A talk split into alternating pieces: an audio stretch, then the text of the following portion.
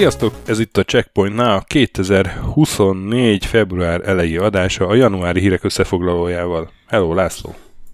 Szervus, Töki! Én most meg, megígérem ünnepélyesen a hallgatóink kedvére, hogy nem fogok evő hangokat adni, te meg ne adjál billentyűzet klikkelős hangokat. Nehéz lesz, mert megpróbálok rákeresni dolgokra, de, de valami csak lesz. Akkor, akkor billentyűzefikkel, amikor nem beszélsz. Akkor egy kettőt együtt ne csináld, akkor úgy mondom. Jó, Mert az, ki, az megoldható. Ki tudom szűrni.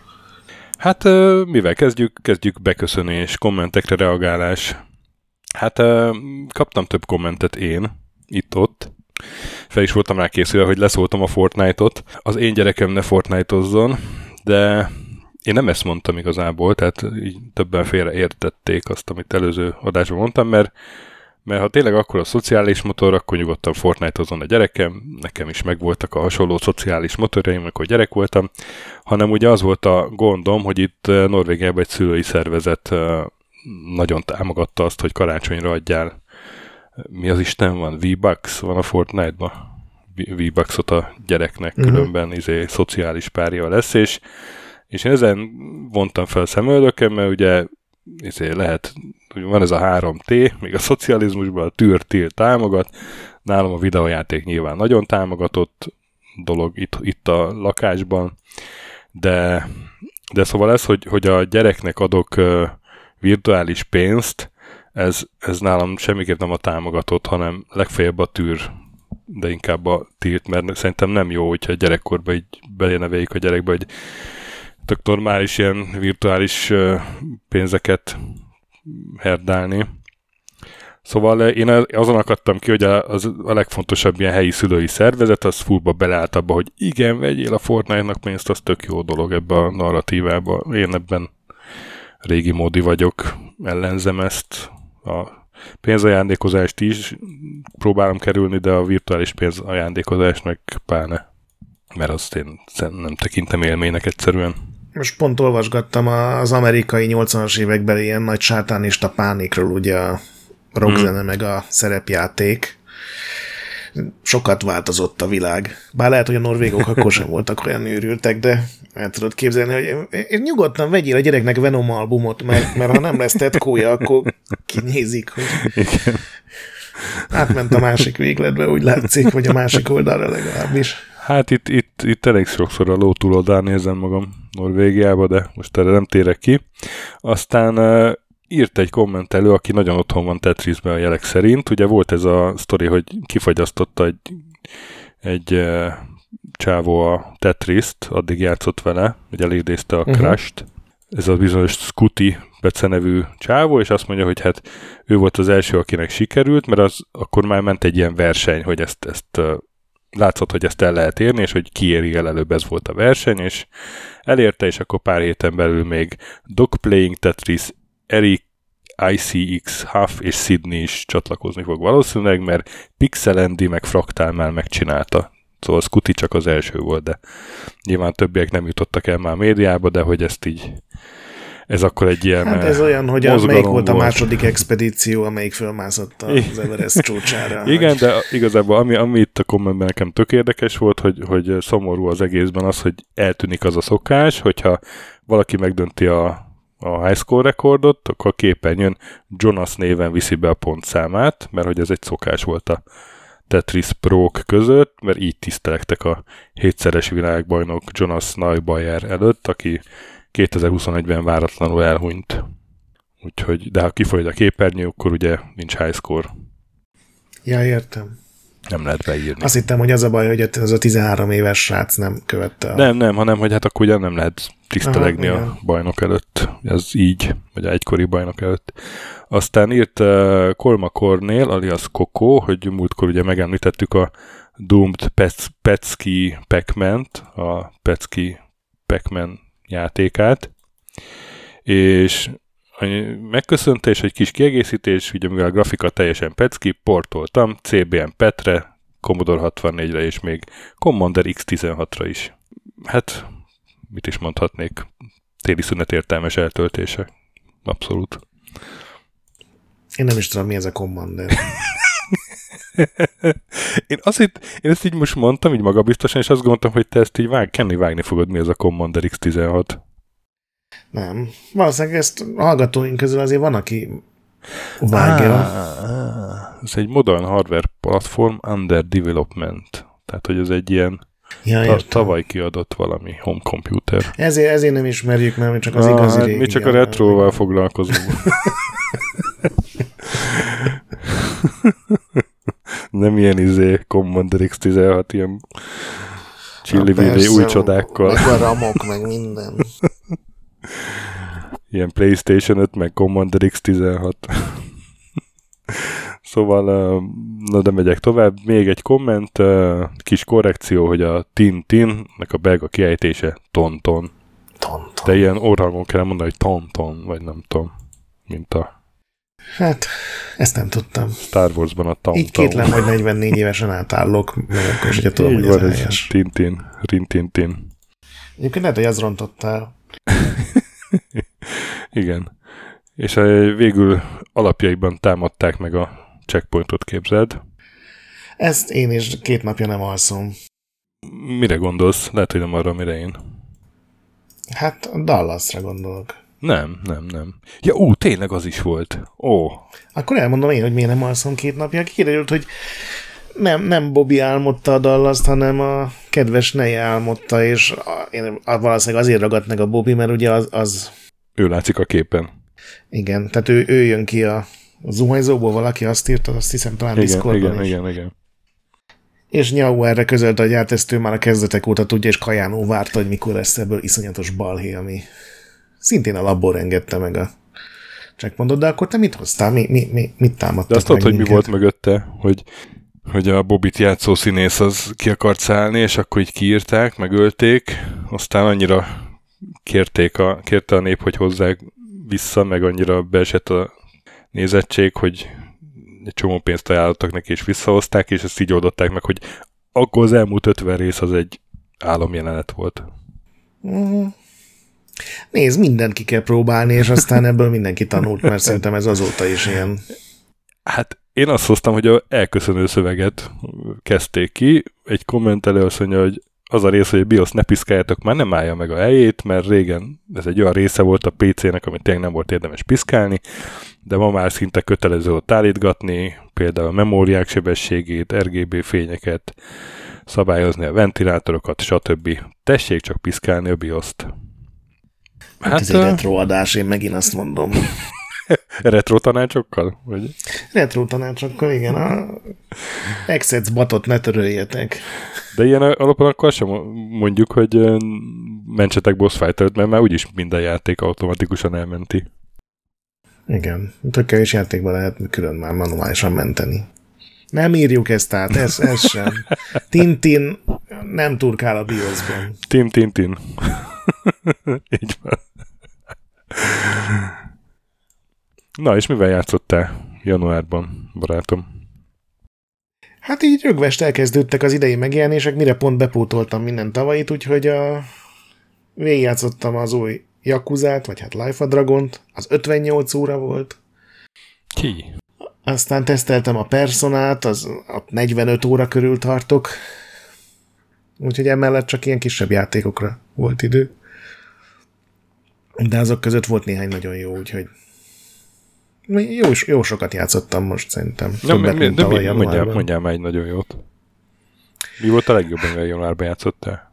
Hát a Yakuza is, meg a Persona is nagyon jó. Az indie játékok ugye azért kicsit más szinten vannak, de például van az Exit 8, nem tudom, ismered de Fú, nem. Uh, csak PC-n van. Ha tudod, mit kell csinálni, akkor körülbelül három perc alatt végig lehet játszani, de hát pont az a lényeg, hogy az elején nem tudod, egy japán metró aluljáróban vagy, és hát ilyen horror játéknak mondják, de igazából nem horror, hanem annyi a játék mert tulajdonképpen, hogy mész előre, mindig ilyen ugyanolyan alakú kanyarok vannak, tehát egy ilyen végtelen dolog, és valahogy ki kell keveredni, és hogyha látsz valami furcsát, akkor meg kell fordulni, és visszafelé kell menni. Ú, és ez tényleg és... ezek a csempés tokiói metró aluljárók. Igen. Megtaláltam, hogy melyik metróállomásról mintázták. Figyelj, ez tök ismerős, én voltam itt. hát ez azért kétlem, mert egy ilyen kiotói teljesen ja. mellékízé, de, te, de egyébként nagyon hasonló Aha, egy csomó igen, metróállomás, mint ugye ugyanazok a cégek üzemeltetnek, és van az egésznek egy ilyen, ilyen feszült hangulata, és így koncentrálsz, mint az állat, mert mit tudom én, egyszer kinyílik egy ajtó, az mondjuk egy elég nyilvánvalóan észrevehető dolog, de a következőben már, már azt nézed, hogy mindig így villogott az a, az a lámpa. Vagy, vagy az a fickó, aki szembe jön, mert mindig jön szembe egy utas, nem tudsz vele semmit csinálni, és ez mindig ilyen magas volt, sose volt rajta az okni, és tudod, így, így már belelovallod magadat ezekbe a kis filózásokba, úgyhogy ez egy ilyen tök jó élmény volt nekem, hogy ilyen másfajta tulajdonképpen maga a játékmenet az olyan, mint amikor tudod, ilyen mm, különbséget keresel két kép között. Nyilván ez annyiban más, hogy ez videó és te irányítod, uh-huh. de mhm, hogy uh-huh. maga a játékmenet az, az a primitívségig egyszerű, de, de rohadt jó a hangulat, amit ez így generál.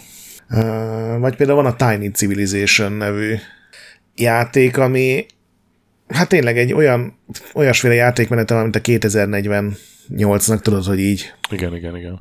össze kell hozni három egyforma ikont, és akkor azok nagyobbá válnak, csak ez egy ilyen tényleg ilyen civilization-szerű dolog, hogy városokat építesz, egységeket gyártasz, van benne kutatás, tehát ilyen upgrade lehet venni, és a, ott is az őskorban kezded, és akkor, ha jól emlékszem, akkor még ilyen kartfogú tigrisek ellen küzdesz, a végén meg már ilyen rendes civilizációk közti háború van, és ez egy ilyen pici táblázatban egy ilyen mhm. Excelben zajlik látom, látom. az egész.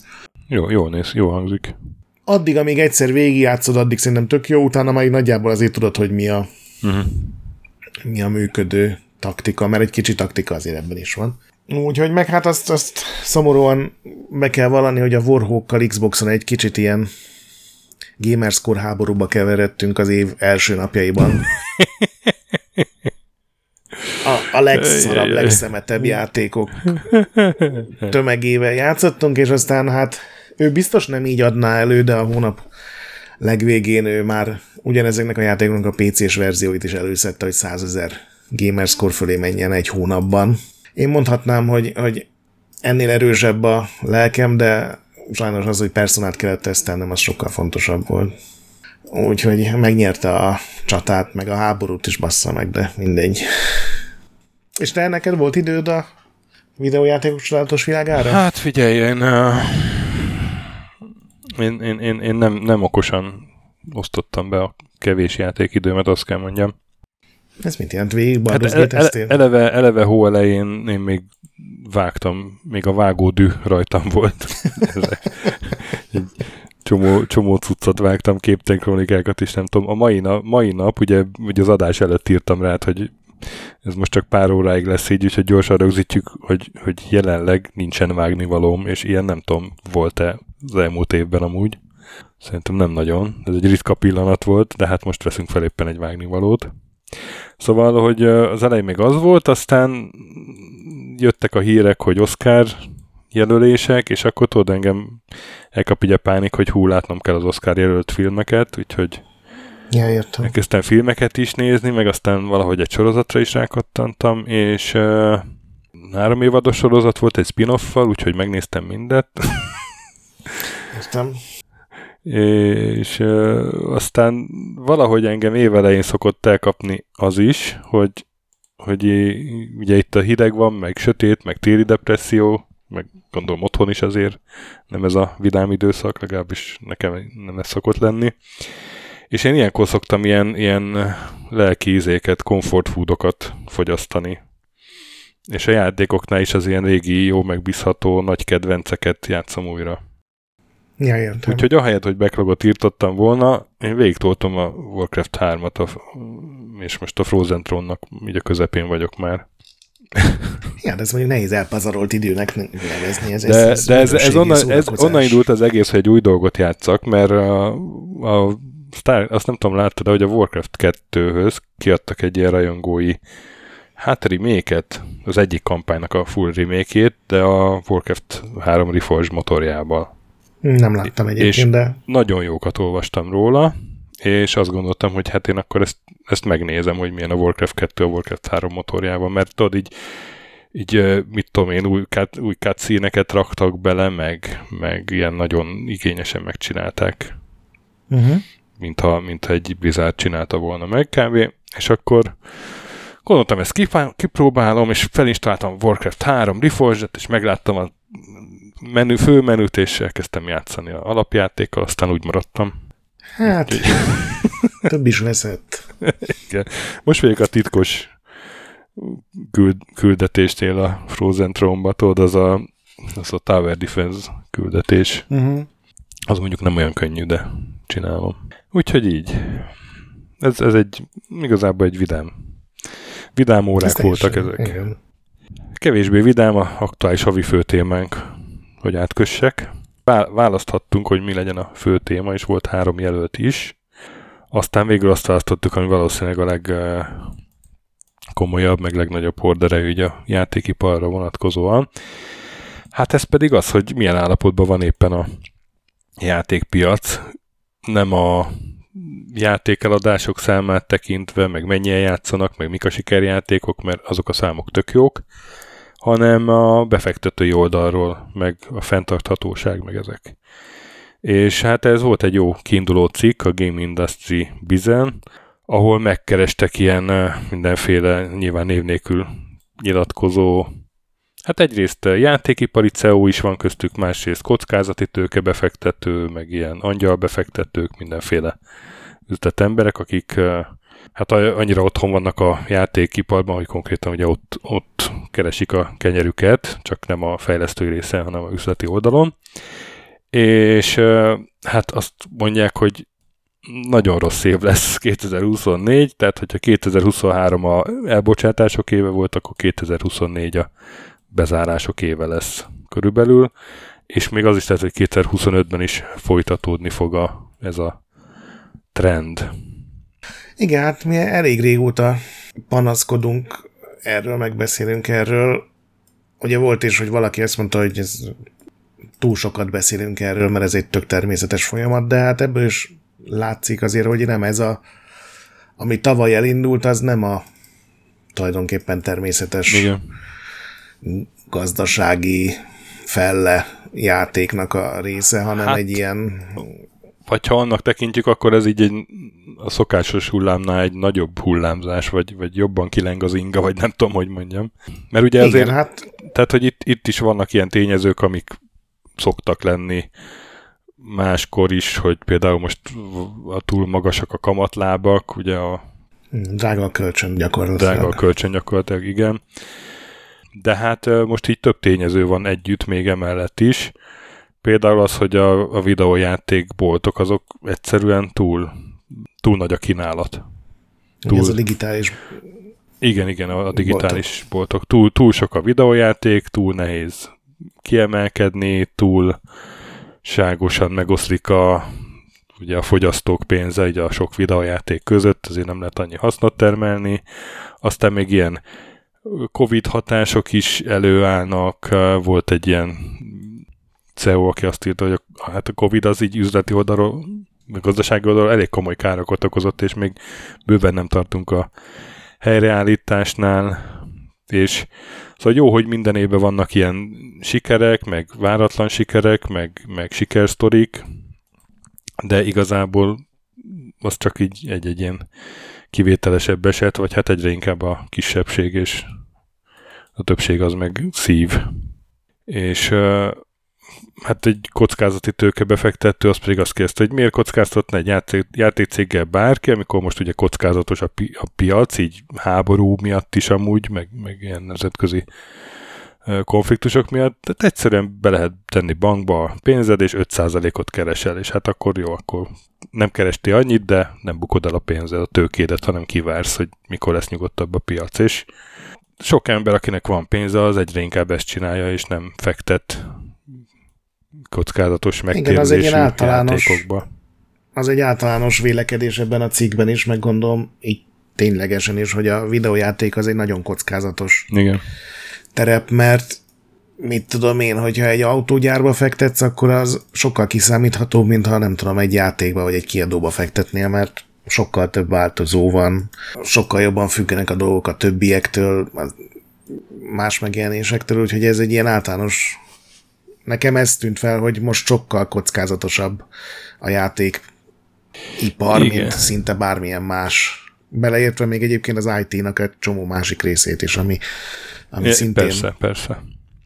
Ugye az IT-ra vonatkozott az, hogy a Covid alatt, főleg az első évben nagyon sok embert vettek föl, nagyon sok projektet kezdtek el, mert, mert ugye az volt a home office-ra átállásnak az időszaka, az volt az az időszak, amikor az emberek nem jártak moziba, nem készültek új filmek, tévésorozatok, tehát a videójáték, mint hobbi, az ilyen abszolút első helyre fölküzdötte magát, és azok a, a sok fölvett ember, sok elkezdett projekt, sok újonnan megnyitott alstúdió, az, az most, hogy elmúlt ez a Covid hatás, legalábbis ez a része a Covidnak, ez hát nem mindenki fogja kibírni a 2024-et, 25-öt, és hát ugye már most nem bírják.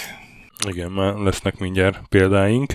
Hát ugye az is egy tényező, hogy a videójátékok árát nem lehet emelni tovább, mert, mert már ott tartanak a videójátékárak, hogy, hogy ez ennél jobban már nem nagyon tolerálják a játékosok, hogyha ennél drágábbak. És... ez főleg azért furcsa, mert minden másnak megmegy fel az ára, tehát a szórakoztatóiparban is a, a streamelő szolgáltatásoknak is gyakorlatilag fél éven árat emeltek, ugye a Netflix tavaly szerintem kétszer emelt árat, hogyha jól emlékszem a Igen, de az, hogy, hogy 3000 forint helyett 5000 fizetsz, azt jobban elviseled, mint hogy 20 izé, ezer forint helyett 25-öt, nem? Hát most már inkább 25 helyett 35 Vagy 25 helyett 35 igen. Szóval, hogy, hogy tegen lélektani határnál van, és hát azért a PlayStation 5-tel volt ugye egy áremelése a Sony-nak, igen. a játék, és az, az egy több cégnél az így normalizálódott, tehát hogy, hogy volt, aki követte a példáját, és valahogy úgy lőtte be az árakat, ami már nem ez a korábbi 50-60 dollár közötti szint, hanem inkább ilyen 65. Hát a játékárak azok ugye 80 dollárra, 70 euróra emelkedtek az ilyen AAA nagyon nagy játékok. Igen, de igen. ugye az is, nem emelt árat a Nintendo, de a Switchnek ami már 7-8 éves lesz, uh-huh. még nem volt árcsökkenése. És lehetséges, hogy úgy megy végig az egész hardware generáció, hogy a következő gép megjelenéséig nem is lesz árcsökkenés, ami korábban teljesen elképzelhetetlen lett volna, mert nagyon sokáig úgy működött a konzolpiac, hogy megvették ugye a hardcore játékosok, és aztán amikor levitték az árát egy 100 dollárral, akkor lett igazán mainstream. Ez így volt a Super Nintendo-val, a az első Playstation-nel, szerintem még a másodikkal is. Úgyhogy ez is, ezen is látszik, hogy sokan próbálják elkerülni az áremelést, de hát az árcsökkentés még inkább. És hát ugye a, ugye a Covid alatt, ugye mondod, hogy első számú szórakozás lett a videójáték, 2020-ban, 21-ben egy, egyszerűen túl sok játék kapott zöld utat, és akkor most meg hát a sok futóprojektet egyszerűen észszerűsíteni kell, vissza kell vágni néhányat, és akkor nyilván az elbocsátásokkal jár, és tehát, hogy most már sokkal kevesebb játékra írnak alá a kiadók, és egy ilyen szerényebb szintre beállnak, és hát az, hogy mi a jó taktika, az itt azért már, már nincs egyértelmű tanács, mert ugye a cikkemből is van egy megszólaló, aki teljesen ellentmond a másiknak, mert az egyik azt mondja, hogy hát így fókuszálni kell, csak a tuti biztos játékok, ki lehet, hogy kicsit unalmasabb lesz a portfóliód, mert tele lesz folytatással, vagy nem tudom, és akkor viszont tuti, hogy izé, hogy akkor fennmaradsz, a másik meg azt mondja, hogy hát nem, hát izé, kockáztatni kell, legyetek bátorak, és legyél te az új sikerjáték készítője. Hát mondjuk azért a nagy kiadóknál ez a maradj konzervatív, támaszkodj a régi franchise-okra, az, igen. igen. Az a meglepő, amikor mernek újítani, amikor jön egy, egy ilyen nagyra vágyó vezető, és akkor azt mondja, hogy na most akkor hajrá, legyenek új játékok, csak ugye ez ma még nehezebb, mert az, hogy oké, okay, legyenek új játékok, az, az mondjuk öt év. Hogyha tényleg uh-huh. egy ilyen ultra nagy AAA, főleg, hogyha még egy új stúdiót is fel akarsz állítani. Tehát ez borzasztó nehéz. Ugye most már vannak külön olyan oldalak, amik ezeket számolják, hogy hány játék fejlesztő veszti el az állását. Uh-huh.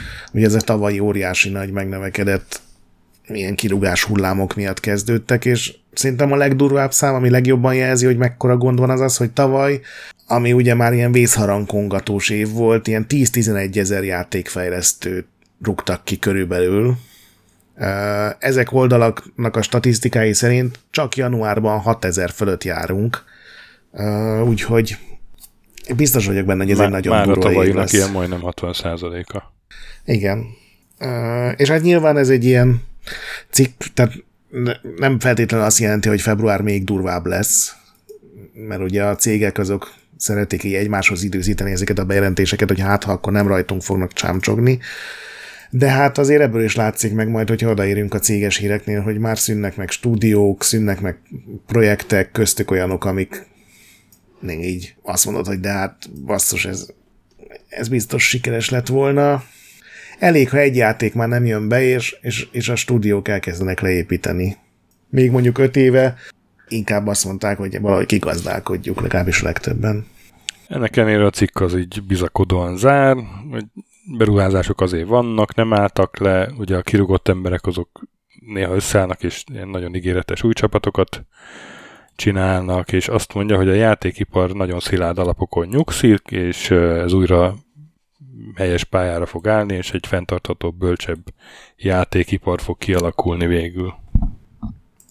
Csak hát ugye hát, most, most van a véráldozat része, de hát uh, meglátjuk. Ez nyilván ez annak a szava, akinek az a fő problémája, hogy a 56. millió dollárját hova ruházza be, és nem annak a problémája, akit kirúgtak. Szóval ez, ez egy ilyen eléggé ilyen, majd én megmondom, hogy mi lesz a abszolút létbiztonságomból. Meg az is furcsa egyébként, hogy például Japánt egyelőre ez nagyon kevéssé uh-huh. érinti. Emmen nyilván része van annak is, hogy Japánban a, a dolgozóvédelmi törvények nagyon szigorúak, tehát ott ahhoz, hogy kirúgjál valakit, főleg, hogy kirúgjál sok embert, ahhoz négy különböző ilyen, ilyen békéltetői megbeszéléseken, meg különféle ilyen előírások vannak, hogy mit kell megtenned azelőtt, hogy kirúghassál egy csomó embert. Nyilván ez valamennyire Európában is van, Amerikában meg abszolút nincsen semmilyen, de hogy, hogy Japán egyelőre úgy néz ki, hogy a, ott úgyis talán kicsit konzervatívabbak ezek a főleg a nagy cégek, tehát a Capcom is ugye a nagy sorozataiból él elsősorban a, a Square Enix is percenként támaszt föl egy régi sorozatot, a Konami is most ugye Silent Hill-ezik meg, Metal Gear Solid megint. Gondolom ott valamennyire ez is segít nekik, hogy ők már ezt a legyetek ultra konzervatívak a megjelenésekkel, mantrát ezt már elég régóta követik. Hát igen. Ja, kíváncsi vagyok. És mit ugye fog, még mit szerintem... fogunk egy, egy év múlva mondani? Igen? Még, még a játékpiacnak még van egy külön ilyen nyomora, ez az Embracer stúdió, ami nyilván lehet, hogy Embracer nélkül is közel ugyanitt lennénk, de hát azért ők tulajdonképpen egy ilyen lassú összeomlásban vannak. Hát, hogyha jól emlékszem, tavaly szinte minden hónapra jutott egy olyan, hogy az Embracer ezt szünteti, meg az zárja be, hmm. onnan rúgnak ki. Hát most erre a hónapra négy ilyen jut, és több száz ember, és, és szerintem ez így folytatódni fog, és az egy különösen érthetetlen képződmény ez az Embracer, hogy fölépült itt tulajdonképpen zéró tervel. Kibocsátással. Kívülről úgy tűnik, igen, hogy, hogy felvásároltak rengeteg vagy kisebb és jó játékokat termelő, vagy, vagy nagyobb, de inkább közepes játékokon dolgozó céget, és, és valahogy sosem álltak meg elgondolkodni azon, hogy ebből a óriásból hogyan, hogyan lesz annyi pénz, hogy föntartsa magát. És hát aztán, mint kiderült, így sehogy. Úgyhogy a, mivel ide tartozik, most az üzleti hírekből ide vettük az ilyen kirúgós, bezárós híreket, ha már ugye mondtad, hogy már 6000 embernél tartunk körülbelül januárban. Néhány nagyobb cégnél az emlékezzünk meg. Hát ugye ezt a 6000 embernek kb. az egyharmadát az adja, hogy, hogy a Microsoft az 1900 embert küld el játékfejlesztőktől, a, így a Activision-ös felvásárlás után, tehát így három hónapig így nézték a számokat, meg hogy mit vettünk pontosan, milyen csapatok vannak, és hát arra jutottak, hogy itt egy-két dolgot le kell galjazni, és mert 1900 embert elküldtek, és hát többek közt mennie kellett uh, milyen ibarra? Mikey barra? Uh-huh. Mikey barrának, a, a Blizzard vezetőjének, meg uh, Ellen Etemnek, ugye? Igen. Aki ott egy, ő talán alapító is volt, nem? Igen, Vagy igen, ő volt az egyik alapító, aztán elment, igen, és igen. most visszajött. Igen, igen, igen, igen. És ugye leállítottak ott egy éppen zajló játékfejlesztést, ami hát egy ilyen Odyssey kód nevű ilyen túlélő játék volt, és azt jó ideje ment már a fejlesztése, és leállították. Hát egyrészt én megint előhozom ezt, ez egy héttel azután jelentették be, hogy a Microsoft átvette a legértékesebb cégnek járó nem díjat, mert nincs ilyen díj, de hogy ők lettek a legértékesebb uh-huh. cég a részvény árfolyamok szorozva a részvények, a szabadon elérhető részvények számával. Egy héttel ezután bejelentik, hogy ki kell rúgnunk 2000 embert majdnem, ez már szerintem önmagában elég bicskanyitogató. Az nyilván valamennyire természetes, hogy megveszel egy óriási céget a saját óriási szektorod mellé, akkor ott lesznek redundanciák, teszem azt, nem kell annyi grafikus, vagy nem kell annyi, nem tudom, weboldal fejlesztő, de, de amennyire kijöttek a részletek, nem ezekről az emberekről van szó elsősorban, hanem hanem például elküldték a teljes brigádot, és az a Microsoft-tól küldték el, nem is az Activision-től. Uh-huh. Tehát ez, uh-huh. ez nem csak erre vonatkozik, hanem a Microsoftnál úgy, néz, úgy, úgy tűnik, hogy teljesen átnézték a saját kis felépítésüket, és például kirúgtak mindenkit, aki azzal foglalkozott, hogy, hogy az Xbox játékok dobozos formában is helyet kapjanak, ami ugye gyártásmenedzselést jelent, ott is grafikus munkálatok, a rengeteg országban ugye tárgyalni kell a különböző boltokkal, na ennek úgy néz ki, hogy vége, Európában már reagált is a piac, és egy csomó nagy bolthálózat már egyszerűen nem fog fizikai Xbox játékokat tartani. Részben azért, mert nem nagyon lesznek, részben azért, mert gyakorlatilag nincsen kivel akciókat lebeszélni, vagy, vagy, uh-huh. vagy semmit lebeszélni, mert a, a, az ezt vezérlő csapatot teljesen kirúgták. Aztán az Activision-től kirúgták a teljes belső vevőszolgálatot. Az Activision volt gyakorlatilag az egyetlen nagy cég, akinek saját belső vevőszolgálata volt, ami azt jelentette, hogy sokkal gyorsabban, sokkal közvetlenebbül tudtad megoldani, hogyha nem tudom, bannolnak a Call of Duty-ból, vagy nem megy a játékod, vagy bármilyen nyomorod volt. Tehát ez egy ilyen pozitívum volt az Activision nem feltétlenül pozitívumoktól nyüzsgő testén. Őket kirúgták, a feladatot nyilván kiszervezik, úgyhogy ez egy ilyen nettó veszteség szerintem.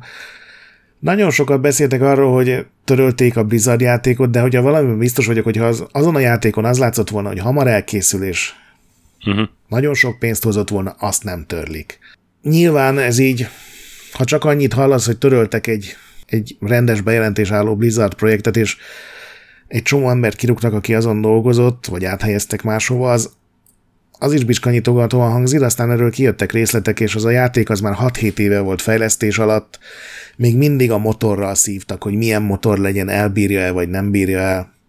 Úgyhogy gyakorlatilag szinte nullán állt a fejlesztés 6-7 év után, és szerintem valamennyi, ha valamit lehet védeni ebben, akkor, akkor az, hogy ezt a projektet így leállították, mert, mert nem állt sehogy 6-7 év után, ami játszható volt egy része, de abszolút nem olyan verzióban, nem olyan uh-huh. mértékben, mint ami ennek azt elgondolták. Tehát azt ilyen százfős játékos számra tervezték, és azt hiszem nyolc fővel lehetett játszani, és, és egyszerűen egy ilyen kaotikus, beláthatatlan projektnek tűnt.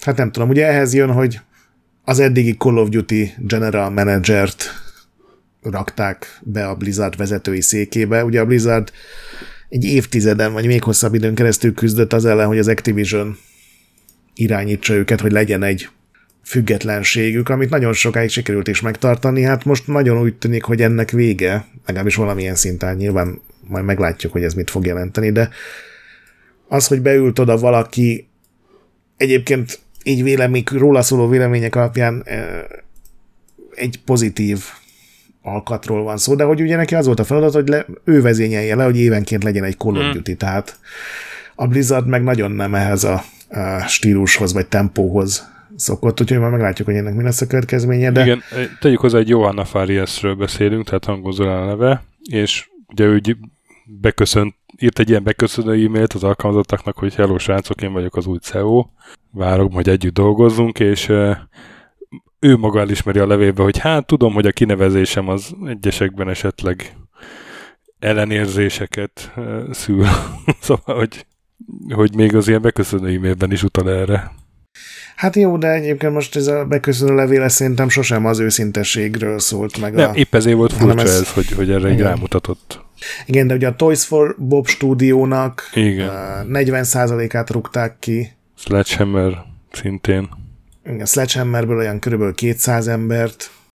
És az a Jason Schreiernek ez a tweetje, gondolom olvastad, hogy aki ugye egy ilyen egy nagyon jól informált gamer újságíró, és neki írogattak a Activision Blizzard istálóba tartozó fejlesztők, hogy, hogy, hogy figyelj, nem tudod, hogy engem kirúgnak-e? Ez milyen már? Nagyon durva. Az egésznek az intézése meg a... Mondom, egy héttel azután történt, hogy a Microsoft a legsikeresebb korszakába lépett, tehát lenyomták mm. végre az Apple-t így ebben az értékben, ami egyébként annyira sokat nem jelent, de azért mégiscsak jelzi, hogy jól megy a cégnek. És azt hiszem egy héttel azelőtt, hogy bejelentették, hogy az, az Xbox uh, szektornak, most nyilván, hogy hogy, más, hogy számolták ezt, hogy az Activision eladásokat már oda számolták-e januárra, vagy nem, tehát tudod, ezekkel a számokkal azért lehet valamennyit játszani, mm. de hogy hogy az Xboxnak fantasztikusan megy, és, és 7 milliárd dollárt szerzett, vagy bevétele volt egy negyed év alatt, és akkor így nem tudom, nekem nyílik a, a bicska a zsebemben ilyenkor. Uh-huh. Hát értető módon, igen. Na de ezzel még ugye nincsen vége, csak ez volt a legnagyobb, tehát ez majdnem igen, 2000 ez volt a érint. Így van, így van. A Unity-től az a emberek Unity. egy, egy negyedét küldték el, végre volt egy, egy nyereséges üzleti évük, és most hát már nem a, a régi CEO-val, mert ugye őt Rikitello, ugye úgy kellett ejteni a nevét, Azt amit igen. éveken igen. keresztül szintén rosszul ejtettünk, Tonton barátja. 14 stúdiót bezárnak, ugye mikor három éve vették meg a teljes vetát, na most ővelük is azoknak a, a vetának azt a részét, amit nem vettek meg, mert ott nem, nem a teljes vetát vették Igen, meg, a csak egy részét. Nem vették meg. Hogy velük megszakítanak minden kapcsolatot, pedig a vetának a teljes több évre előre a bevételének nagy része az ezen múlott, tehát még így búcsúzóként így odaszartak egyet a küszöbre. Aztán a Twitch-től az, az alkalmazottak 35%-át küldik el, ez is több száz ember. Itt különösen szép volt a Twitch CEO-nak a a levele ezzel kapcsolatban, ami nem arról szólt, hogy mennyi értékes kollégát vesztenek el, hanem arról, hogy az Activision mennyire egy fantasztikus tulajdonos. Ugye a Twitch az, a, nem Activision, bocsánat, Amazoni. Hogy az Amazon mennyire fantasztikus tulajdonos, és minden lehetőséget megadott nekik, és mindezt egy olyan sajtóközleményben, amiben bejelenti, hogy el kell küldeni az emberek 35%-át, tehát ez is ez a miről beszélsz ember. Aztán a Hogyha meg benne vagyok, mondjam a többit, vagy azt hagyjuk meg a... Ma, nem, mondj, mondj, szerintem mondjuk most, mondjuk most, Jó. igen. Hát a, ugye a Eidos Montreal, de akkor néhányat mondok én, ugye az embr, szintén embrészeres ír, hogy az Eidos Montrealnál is uh, volt egy nagy kirúgás, azt nem is tudom hány embert érintett, de ott a lényeg az, hogy két éve fejlesztettek ott egy Deus Ex játékot, és ugye azt is törölték, ez a The Fall. És ugye annó az Eidos azért vették meg explicit módon, hogy a Tomb Raider-t és a Deus Ex-et föltámasszák. Ehhez képest a Tomb Raider-t azt gyakorlatilag eladták az Amazonnak, a Deus Ex-et meg most ugye lelőtték. Azt hiszem ott majdnem 200 ember volt. Teljesen uh, értelmezhetetlen, igen. Aztán a, bezárják a Piranha Byte stúdiót, tehát ugye mondtuk, mondta ez a ismeretlen CEO, hogy 2021 a bezárások éve lesz, hát ez elkezdődik akkor ezzel, hogy a Piranha Bytes-ot bezárták, ami azt jelenti, hogy, hogy nem lesz Alex 3. Gothic Remake azért lesz, mert azt ugye nem ők csinálják. Igen. És aztán a szintén embrészer, hogy a, a Lost Boys-tól, akik a Tiny Tina Wonderlands-ot csinálták, onnan 125 embert rúgtak ki, ami nagyon soknak tűnik, nem tudom, hogy hány százaléka lehet annak a stúdiónak, de... Az nagyjából a fele, és őket meg sok. azért vették meg, ugye szintén pár év őket a a Gearboxon keresztül vették meg, hogy legyen elég ember, a, aki besegít a portolásokba és egy csomó más munkába, mert ennek a Lost Boys-nak egyébként ez volt a fő dolga, és megvették a stúdiót, hogy legyen elég ember, és utána kirúgják a felét. Tehát ez is ez a Igen. teljes átgondolatlanság, vagy, vagy csak a, az ultra közeli jövőt nézem, amikor tényleg holnapra kéne még ember, semmi ilyen távol, távoli nézet, vagy, vagy, vagy, vagy hosszú távú taktika nincs. Hát perspektíva. Üz- üzleti stratégia, vagy nem tudom. Aztán folytás még van egy Embracer. És akkor még egy embrészer, hogy a Nimble Giant, onnan volt tavaly két kirúgási kör már, de most itt egy harmadik, megint egy 30 embert kirúgtak onnan. Ugye ők csinálták a Star Trek Infinite-et, ugye? Igen. Hát azt is 2020-ban megvette a, az Embracer nagy reményekkel, és aztán igazából olyan nagy fejlesztések ott se történtek. Vagy olyan nagy... Nem, de hát ez, ez a stúdiót is annyira lecsökkentették, hogy igazából már nagyon kevesen vannak Igen, ott. Valószínűleg annyira kevesen, hogy nem is tudnak egy teljes projektet vinni. nagyon kemény. Aztán a Riot, ugye League of Legends-es óriási sikeres Riot, ők 11%-át elküldték a alkalmazottaknak, ez 530 ember világszerte. Uh-huh. Nekik azt mondják, hogy nagyon jól megy a szekér, csak egyszerűen ezekre az emberekre már nem volt szükség, hát ez sem egy ilyen barátságos kinyilatkoztatás. Aztán van a Thunderful nevű ilyen indie kiadó, tőlük száz embert, a cég egyötödét küldték most el, néhány projekt nem durrant akkorát, mint várták. Ez ugyanaz történt egyébként tavaly, arról beszéltünk a Team 17-nel, akik ugye szintén ilyen indie kiadóvá alakultak, és ott is hatalmas leépítések voltak, és hát a sort az tényleg lehetne folytatni. A Surgeon Simulator fejlesztő Bossa stúdiónak az egyharmadát küldték el, a Lords of the Fallen fejlesztő vagy kiadó CI Games-től 10%-ot kell elküldeni, az amerikai Szegától 60 ember küldtek el, a Ruined fejlesztő Raycon stúdió felét kellett elküldeni, a Destroy All Humans remékeket fejlesztő Black Forest stúdió felét, a People Can Fly-tól 30 embert, a Behavior Interactive-től, akik ugye a nagyon sikeres Dead by Daylight-ot csinálják 45 embert, Devolvert ki is hagytad, a, vagy a Igen. Artificer-t. Igen, ugye az egy másik indie kiadó, a Devolver, de nekik van néhány saját stúdiójuk, onnan 50-ből 28 embert elküldtek. 12 embert úgy, hogy előbb befejezik a projektet, amit dolgoznak, és utána megkapják egy nappal a felmondást, ami nem is tudom, hogy létezik ennél jobb morálnövelő megoldás, hogy figyelj, most adj bele mindent, utána fölmondunk, srác. És aztán még van egy ilyen, én nem hallottam még róluk, egy Playtika nevű mobilos, mobilfejlesztő, mobilkiadó stúdió. Tavaly még 300 millióért vettek új stúdiót, mostanra eszükbe jutott, hogy ez talán túlzás volt, és 400 embert egy, úgy, hogy volt kirúgtak. Ez is 10% a cégnek. Tehát ilyen óriási leépítések vannak szinte minden szektorban. Volt egy VR stúdió, ami bezárt, én nem hallottam róluk, de hát attól még lehet, hogy VR-ban hasznos dolgokat alkottak. Ez a Vimo nevű pici stúdió. Ők nem voltak nagyon sokan, 20 körülbelül, de hát bejelentették, hogy ezt nem tudják fenntartani, nem, nem találnak kiadót a projektjeikre.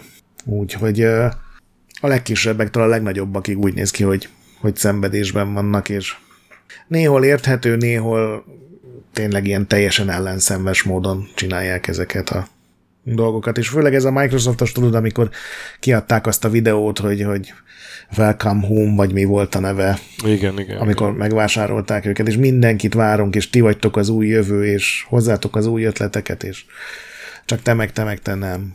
Igen, és ez a cikk, amivel kezdtünk, ez január 22-én jelent meg a Game industry hogy ugye elkezdte kongatni jó előre a vészhalangokat, és három nappal később jött a Microsoft bejelentés.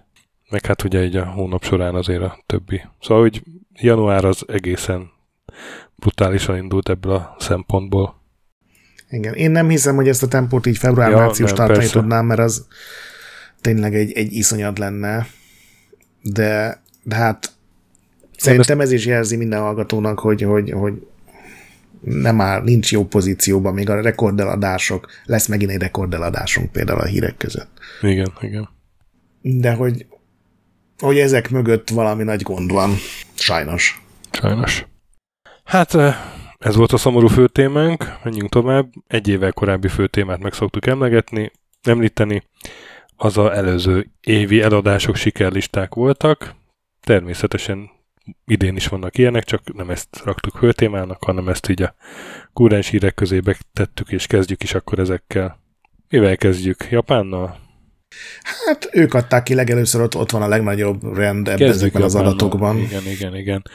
Ott uh, ugye egy teljes uh, éves ilyen elemzés van 2023-ról, ahol 267,5 milliárd yen költöttek hardverekre, játékhardverekre, ami uh, 27,5 százalékkal több, mint az előző évben. Igen, ez nagyjából volt. annak köszönhető, hogy a megjelent néhány nagyon nagy játék Switchre, és hogy ugye a PlayStation végre elkezdett úgy növekedni, ahogy a PlayStation igen, szokott. Igen, itt majd fogjuk látni más országoknál is, hogy a PlayStation eladásai azok kilőttek azért, mert már nem volt izé végre lehet kapni. Hiány, készlethiány, így van. De egyébként ez gyakorlatilag minden piacra elmondható ez, hogy a, a Switch a stagnál, ami a hatodik, hetedik évben egy fantasztikus eredmény, a PlayStation kilőtt, a, az Xbox pedig így a stagnálástól a nem hát tudom, 20-30 százalékos csökkenés. Enyhe visszaesés, igen, igen, igen, igen. A videójátékok és eladások az 136 milliárd yen, ami 82%-os növekedés a tavalyhoz képest, és akkor így az egész piac az meg már több mint 400 milliárd jenes, ami egy ilyen jó, 8, jó 7-8%-os növekedés összesen. Ebbe több ezer jentén is beletettem, büszkén mondom. hogy, hogy van a jen dollár? Hát ez mindig ilyen egy a százhoz így a közelítő. Aha. Uh-huh. Lehet, hogy most már 120, de, de régebben úgy számolták, hogy két nullát levágtak róla. Szóval igen, tehát a japán piac az, az jól áll, hát a sikerjátékok az nem meglepő, nem meglepő módon Nintendo-s játékok, legfeljebb így a sorrendet érdemes 10-ből 10 Switch-re jelent meg. Igen. Az első és az 10-ből 8 az Nintendo kiadás. Igen. Az első az a Zelda, a Tears of the Kingdom, második a Super Mario Bros. Wonder, harmadik a Pikmin 4. Szerintem kb. ha megkérdeznek minket, hogy mi volt a három legsikeresebb játék Japánban, ezeket tippeltük volna be. Igen. Csak nem tudom, lehet, hogy a Mario tippeltem volna első helyre, de ez mindenképpen ez a három nyilvánvalóan a, a legsikeresebb Nintendo játékok voltak tavaly. Aztán hát uh, még ilyen régebbi játékok is vannak, például a hatodik helyen a Mario Kart 8 Deluxe. Az, az megölhetetlen a ami, Mario ami, Kart. Megmondom, hogy ez pedig ehhez én járultam hozzá, mert én ugye tavaly vettem meg a gyerekeknek.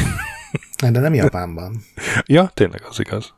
De szerintem máshol is fenn van. Az igen, egy ilyen örökzöld, teljesen, vagy nem tudom, hogy teljesen váratlanul de az lett az a launch játék, amiből ilyen örökzöld lett. Hetedik helyen a Kirby Return to Dreamland, ami szintén egy jó cucc volt. Hát nem tudom, miket mondjuk. Még Super Mario RPG, ami így egy remake a tizedik helyen fölkerült. Hát és ez főleg azért szép, mert ugye november közepén jelent meg. Igen. Igen, De igen, még igen. egy a Mario Kart számokat, ahogy nézem, az azt jelenti, hogy minden Japánban minden 19-20 emberre jut egy eladott Mario Kart Deluxe, ami, ami ilyen eszelős szám. Ja. Nem fogunk mindig minden játékot végigmondani nyilván, belekük a linkeket show és akkor mazsolázzatok nyugodtan ti is.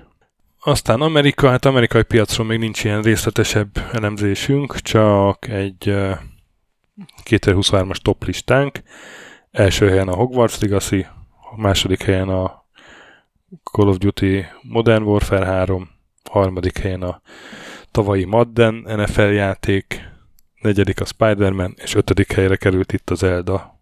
Így a top 10-ben az egyetlen Nintendo játékként, és akkor a továbbiak a Diablo 4, a Call of Duty Modern Warfare 2, Mortal Kombat 1, Jedi Survivor, meg a EA Sports FC24, ami ugye a, a FIFA-nak a közvetlen folytatása gyakorlatilag csak más néven. Igen, ami még, még elfejtettünk elmondani, hogy a Nintendo kiadású játékok minden régióban csak a fizikai eladásokkal vannak jelen. A Nintendo Igen. nem közli a saját uh, digitális eladásait, tehát a japán számok még sokkal magasabbak, és az a durva, hogy a, hogy a Zelda úgy fért föl, hogy csak a fizikai Igen. példányokkal Amerikában az ötödik lett, ami ugye azért érdekes, mert 60-70 százalék már a digitális eladások aránya.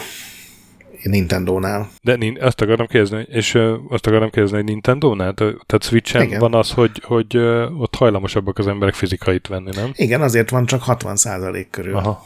Máshol ez már 80 fölött. Durva. Van.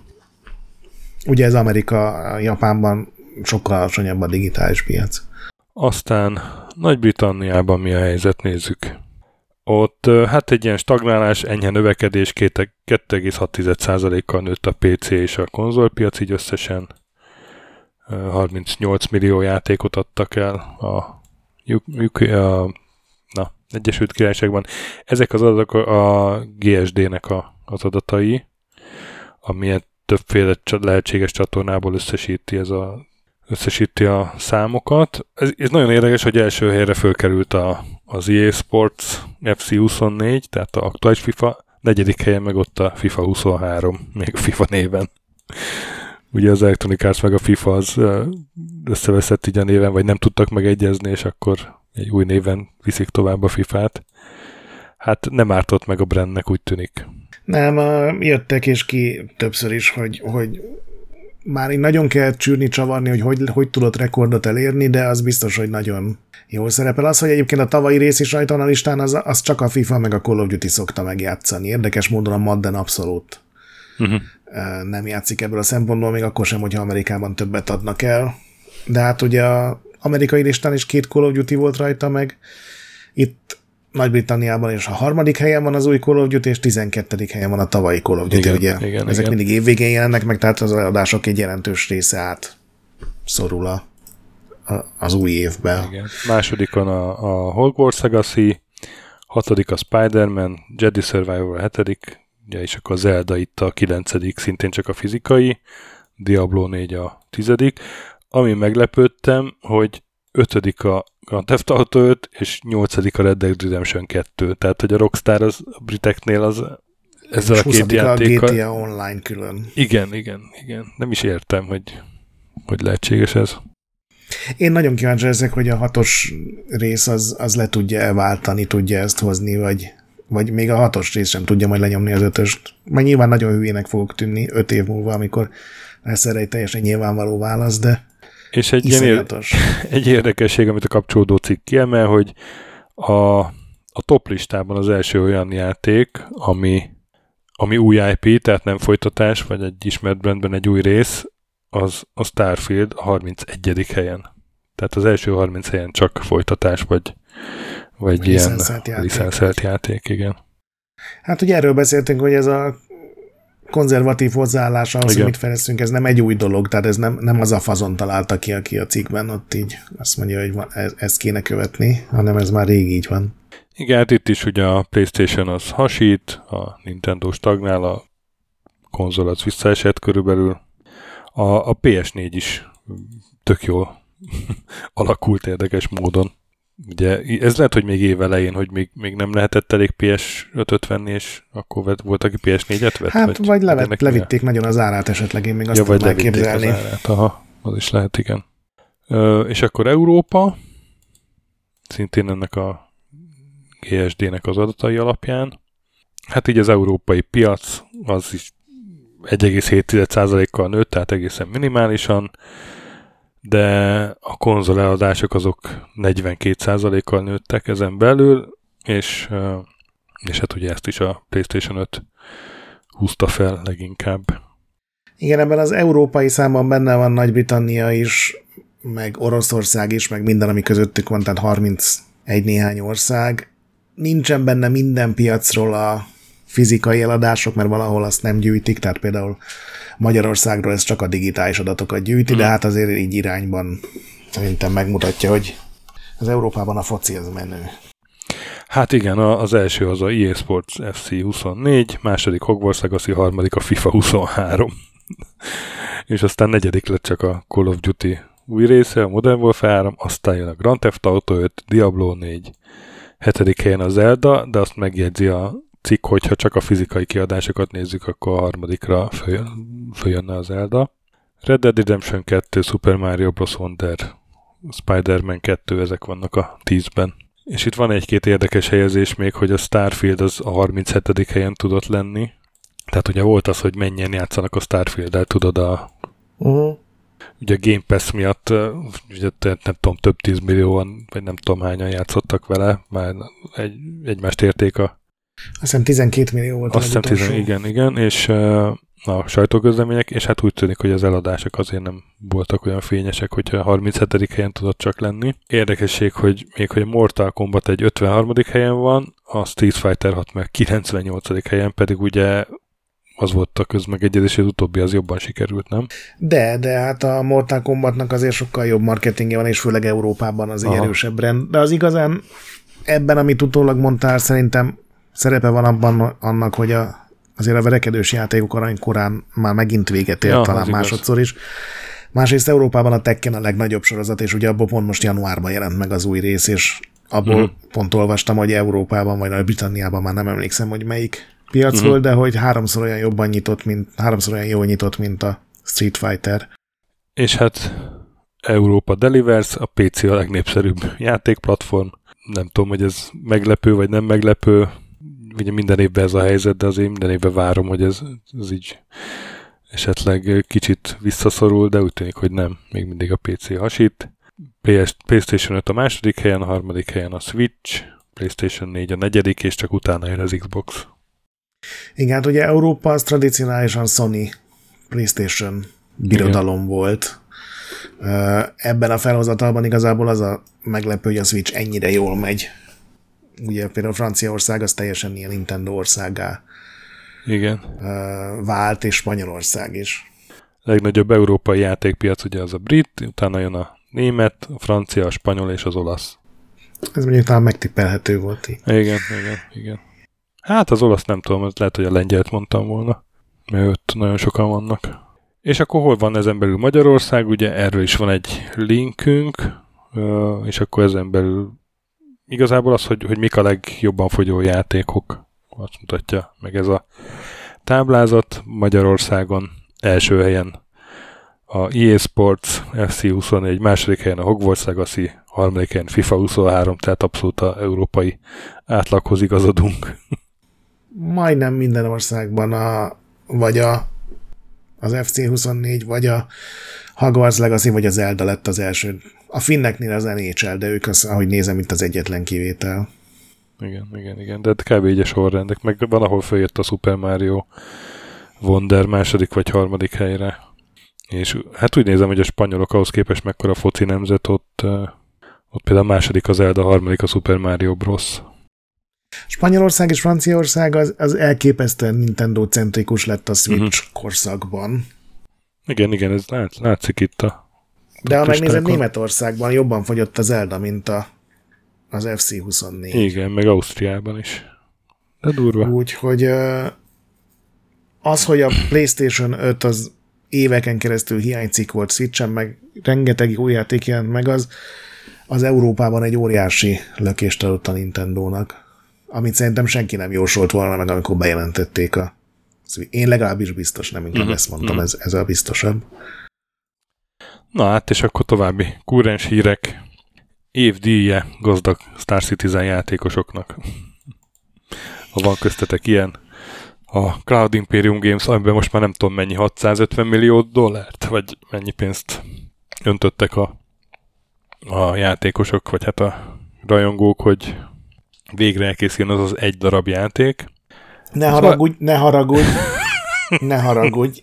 Két játék készül, és a másodikból már trilógia lett, mert a, a, ott már három részt fejlesztenek egyszerre. Ne haragudj. Jó, jó, bocsánat, bocsánat. Úgyhogy szerintem talán az elsőt még a temetésünk előtt ki tudjuk beszélni. Igen, és hát most kezdtek árulni egy új csomagot januárban, amiben virtuális űrhajók vannak. 48 ezer dolláros ez a csomag. Ehhez Vagyis- azért azt hozzátenném, hogy ez a, mindig árulnak minden évben, azt hiszem kétszer vagy háromszor van ez a Legatus csomag, ami mindig az összes vagy a játékban, vagy legalább papíron létező űrhajót magában foglalja, és mindig egy ezer dollárral drágább. Tehát az első, ha jól emlékszem, ezer dollárnál indult, ez a 48. ilyen csomag, úgyhogy ez Igen. 48 ezer dollárba kerül. Hát ez mégis több mint 20 millió forint. Igen, és jövőre jön majd, vagy sőt idén a 49 ezres is, de de, azok vehetik de ez meg, is akik... mutatja, hogy mennyire beteg. Igen. És azok vetik meg, akik már legalább 10 dollárt költöttek a játékban. Tehát még csak nincs is az, hogy te eladod a házat, és ezt megveszed. Mert van egy ilyen előfeltétele. Igen, mert ott van egy ilyen, nem is tudom, hogy hívják, ilyen concierge level, ahol bekerülsz az, az ilyen hivatalosan a bánák közé, akikből ugye nagyon sok pénzt lehet kihúzni, és nekik egy csomó ilyen extra DLC ajánlat, tehát ők speciális festéseket is tudnak venni nagyon sok pénzére, mert ugye a játékban, amiben ezeknek a nagy részét még nem tudod használni, mert ugye ezeknek az űrhajóknak, ami ebben benne van, 175 űrhajó van benne, abból, ha jól emlékszem, talán ilyen 100-105 darab létezik a játékban, és azoknak is egy nagy része, amit ugye többen lehet irányítani, azok még nem működnek megfelelően. Hát nem tudom. Szerintem annyira nem éri meg, de erről nagyon sokat beszéltünk. Én nem ismerek személyesen Star Citizen őrülteket, de vagy, vagy rajongókat, de fórumon szoktam olvasni, és, és mindegyik mindig azt mondja, hogy de igenis megéri a befektetett pénzt, mert ha ez elkészül, akkor minden idők játéka lesz. Hát, meglátjuk, hiszen, hiszen nem sokára jön a Squadron 42, már gyakorlatilag kész az egyszemélyes kampánya. Igen, igen. Annak készül egyébként még két folytatása egy párhuzamosan. Uh-huh, uh-huh. Úgyhogy pikpak. hogy uh, emlékszem, hogy írtam valamelyik PC Word-be talán egy cikket arról, hogy, hogy mi ez a tudod, ez nem egy játékújság, hanem ilyen, ilyen komolyabb PC-s újság, és hogy mi ez az egész Star, Star Citizen, és hogy mennyi pénzt szippantott be, és megnéztem, és ezt öt éve írtam, és azóta semmi nem történt. De jobb, a demo három dologgal többet tud, vagy a kipróbálható verzió. De, hát, de... amikor indult a Checkpoint 2015-ben, és a harmadik adásunk egy Chris Roberts adás volt, már akkor így poénkodtunk a mazúra, hogy mikor fog ez kijönni. 2012 volt, a, amikor elkezdték a legalábbis a fejlesztésnek a legelejét, úgyhogy Kemény. Na, aztán Nagy-Britanniában tavaly nem a videójáték volt a legnagyobb szórakoztató ipari szektor. Tíz éve nem fordult ez elő, most meg megint.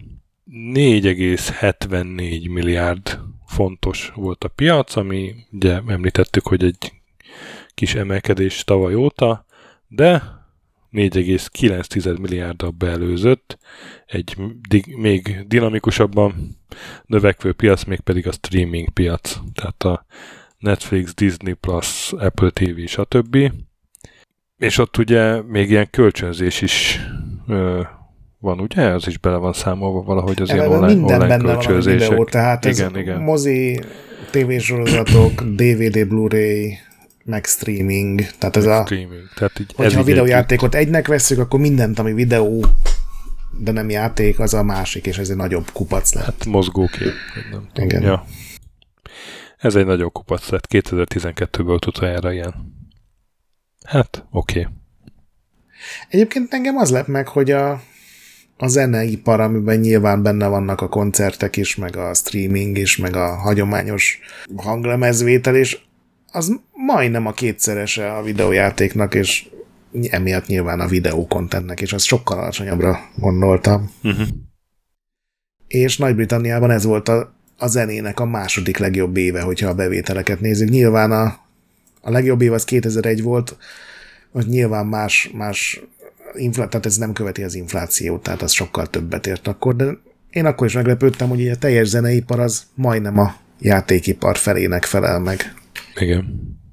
Aztán amerikai belső szabályozás született az AI szinkron használatára videójátékokban. Ugye ezt korábban már valamelyik adásban említettük, hogy a SAG-AFTRA, ez a érdekképviseleti szerve a többek közt a videójátékok szinkron színészeinek, az sztrájkot is belengetett, aztán elkezdett egyezkedni ilyen AI gyártó cégekkel, és most egy ilyen egyesség született a Replica Studios nevű ilyen AI platformgyártó cég és a Sagaftra között, és megegyeztek ilyen mindenféle alapelvekben, hogy hogyan kell kezelni ezt a kérdést. Például minden esetben érdesi, értesíteni kell ugye a szinkrohangot, aki utánozni akarsz AI-val, meg igen, mindenféle ilyen alapvető És ebben ugye benne van az, hogy, lefektettek. hogy nem blokkolják azt, hogy nem egy konkrét ember hangján alapuló, hanem ugye teljesen szintetizált szinkronszínészeknek a képzését, úgymond, vagy trénelését azt engedik, tehát gyakorlatilag ezzel az amerikai cégek számára teljesen gond nélkülivé vált. Ez ugye nem legalitás, hanem egy ez ilyen uh, érdekvédelem nem indít ellenük eljárásokat jellegű Igen. dolog, de hogy teljesen szabaddá vált a, az AI hangok használata tulajdonképpen videójátékokban. Hát majd meglátjuk, hogy ez mit jelent. Igen, de ez, ugye ez a Replica studios egyeztek meg, de hát még más frontokon még Igen. tartanak Ugye a Replika azért kivétel, mert ők, ők, ők úgy árulnak AI hangokat, hogy azok konkrét emberek hangján alapulnak. Igen, igen, igen. igen. Az a kivétel, hogy ők, ők ezt lepapírozzák, és ez direkt az a gyakorlatilag a, a cégnek a teglánya, hogy mi, mi vagyunk az etikus AI szinkron stúdió, tehát ők megveszik tulajdonképpen ilyen szinkron színészeknek, meg színészeknek a hang, hangját, és abból készítenek bármit, aztán ugye elmondó AI-t. Ö, aztán hát ha már AI, a Steam engedélyezte az AI generált tartalmakat. Jéj! Ugye ez június óta vizsgálódott a Steam, hogy mit kezdjen az AI-val, mindenféle felméréseket csinált fejlesztők körébe itt-ott, és arra jutott, hogy akkor lehet használni az AI-t, csak bizonyos szabályokat be kell tartani. Megkülönböztet a szabályozás előre generáltait, tehát hogyha te csinálsz AI-val valamit, és berakod a játékba, vagy élőben generálta itt, tehát hogyha a játék közben csinálja az algoritmus a tartalmat, képet, bármit. És hát az utóbbi esetben fel kell tüntetni a, azt, hogy ott élőben generált tartalom is van, meg hát ugye egyik esetben sem szabad illegális tartalmat futtatni, meg jogsértő tartalom, meg ilyen alapvető ilyen jogi bullshiteket beraktak a szabályozásba. Ami igazán újdonság még az, hogy egy, egy ilyen rendszert kitaláltak, hogy a játékosok jelenthetnek ilyen illegális AI által generált tartalmakat. Hát De... igen, ez a tipikus ultraszarvalvos hozzáállás, igen, hogy mindent igen, megengedünk, igen. ha valakinek baja igen, van, majd szól, szól, mi nem persze, törődünk semmivel, igen. csinálj, amit akarsz kattints be, hogy minden legális, és akkor mi elhisszük neked, hogy minden legális. Gyakorlatilag erről van szó.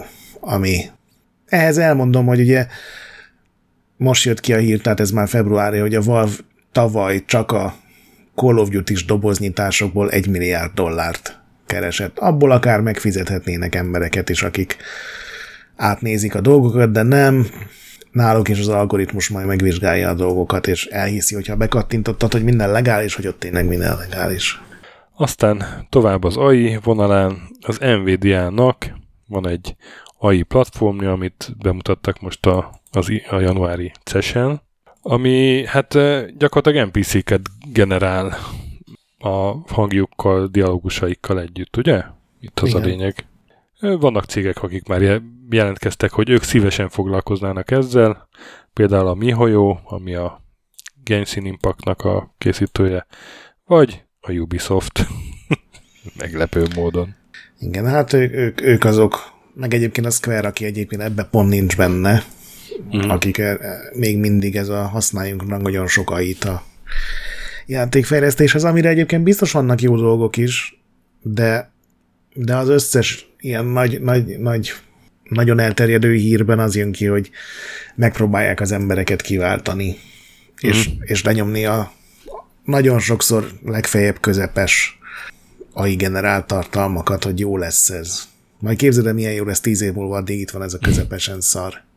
Na de abba hagyom az AI gyalázást, mert majd én is kapok kommentet a végén, ez meg nem hiányzik. La- lazítsunk, lazítsunk egy, egy, egy jogi hírrel. Ugye take az bepereli a Remedy a logója miatt. Ugye a Remedy az logót váltott, az új logó egy ilyen kicsit ilyen uh, zizis R betű, és alá van írva, hogy Remedy. Nem nagyon lehet eltéveszteni, hogy ez a Remedy nevű cégnek a logója, így módon, hiszen alá van írva, hogy Remedy, de hát ugye a Rockstarnak is a logója egy R betű. Igaz, hogy más színű, meg döntött, meg van ott egy csillag is, de ez nem érdekli a... Meg nem szögletes annyira. Meg, meg más betűtípus, igen. De ez nem érdekli a take two ami ugye a Rockstarnak az anyavállalata. Hát neki ment a Remedynek. A take az, az egyébként az utóbbi években elég nagy görény volt ilyen kérdésekben. Nem tudom, emlékszel az It Takes Two amikor uh-huh. csinálta a Hazelight, akkor is ott valamit nekik mentek, és valami, ott már nem emlékszem, mi volt pontosan a megoldás, de azt tudom, hogy a Hazelight át, hátrált meg valamiben. De hát, hát, hogy akkor most nem tudom, mi lesz, hogy a, a, a Remedy lecserélje a logóját, vagy, vagy... Nem, azóta kijött egy frissítés, és uh, Na. peren kívül azon dolgoznak barátságosan, hogy, hogy, hogy megoldják ezt a feladatot, és ott két cég remek viszonya ami egyébként így tulajdonképpen nem létező ma már, az nem fog romlani. De hát az ja, nem, nem, a... hogy is létező, de, mert a Max Payne remékeket ők csinálják. Pontosan, a, a remékeket a, pont a Remedy csinálja, vagy a, a Rockstar csinálja a Remedynek. Igen, fordítva. Ja, ja. Szóval, hogy igen, ez pont, pont, hogy egy érdekes szitu, hogy amúgy üzleti kapcsolatban vannak, és akkor a Jön akkor a, valószínűleg ezért, ezért van az, hogy lehet, jön az hogy anya, valami... anyakiadó, hogy na, akkor a logót cseréljétek. lehet, hogy ezért volt az, hogy valami ilyen kezdő ügyvéd elindította a pert, és aztán rászóltak, hogy de csezd meg, ők csinálják nekünk a játékot. Húhajtottad magad, megint, megint. Aztán uh, megszűnt a Beyond 3D. Ezt te ugye... be, és, és meséld el, hogy a Beyond 3D az a gyakorlatilag a 3DFX korszak óta az ilyen 3D-s kártyák, PC-s grafika, PC-s rendszerfejlesztésnek a legfontosabb ilyen online oh. fórumja volt. Egy csomó cég itt jelentette be dolgokat, itt szivárogtak ki dolgok, főleg grafikus kártyákkal, meg ilyen, tényleg ilyen csúcs gaming cuccokkal kapcsolatban.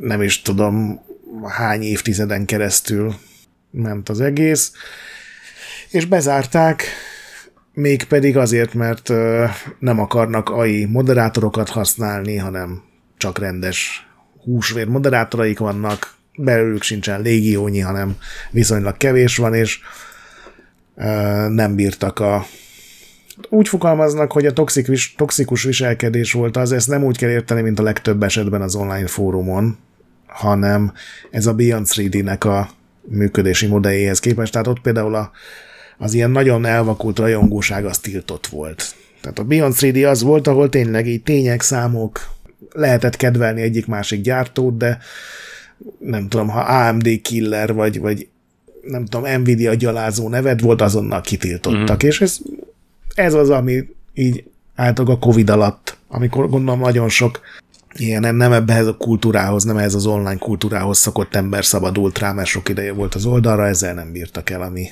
már magában egy ilyen nagyon furcsa ilyen, nem tudom, kordokumentum vagy jelenség. Azt tehát ne kerülgessük tovább, beszéljünk a pajti világról, vagy Spanfölde. a Spanfölde nagyon tetszik. Legyen ez. Cimbi, Cimbiland, Spanfölde. Szóval a Palworld, ami hát az abból kiindulva, hogy mennyi cikk szólt róla januárban, akár hónap témája is lehetett volna, ha nem lenne mind a kettőnkben valami zsigeri ellenérzés ezzel a játékkal szemben. Vagy hát úgy, úgy emlékszem, hogy te se nyilatkoztál róla így kedvezően a fórumokon. Engem végtelenül taszít a dizájnja, meg, meg úgy, amit ez a dizájn képvisel. Tehát pont az a fajta játék, hogy ránézel, és á, ez biztos AI csinálta, így azt mondod, és, és hát kiderül, hogy tényleg. Hát ez még így konkrétan nem derül Jó, így ki. konkrétan még nem, de, de hogy ugye... várjál, én elmondom az alapokat, mielőtt elkezded gyalázni. hát a Palworld egy japán pici stúdiónak a játéka, borzasztó korai állapotban van, éppen, hogy össze van tákolva, alig fut, sem egyetlen új ötlet sincs benne, gyakorlatilag arról szól, hogy van egy ilyen Minecraft utáni végtelenül primitív kraftolós játék, vágod a fát, töröd a követ, gyártasz egy, nem tudom, egy palgömböcöt, amivel aztán befoghatod ezeket a lényeket. Uh, gyakorlatilag ilyen lövöldözős gépfegyveres játék a első, nem tudom, másfél óra után, amikor még csak ugye bottal tudsz ütögetni. Más játékosokkal együtt vagy ellen is tudsz játszani, és vannak benne ugye ezek a befogható lények, amik miatt az egész játék annó, amikor már bemutatták a Pokémon csak fegyverekkel becenevet kapta. Ez csak a körítésre vonatkozik, a játékmenetben semmi pokémonos Igen. mélység, intelligencia, kidolgozottság nincsen. A lények viszont tényleg pokémonosak, egészen odáig, hogy a legtöbbről meg lehet mutatni, hogy melyik Pokémonból van összelegúzva, vagy ebből levették a mintázatát, abból a haját, ebből a szemet kopizták át. A kivételt azok a lények jelentik, amit tényleg ők terveztek, amik a borzasztó primitív béna lények.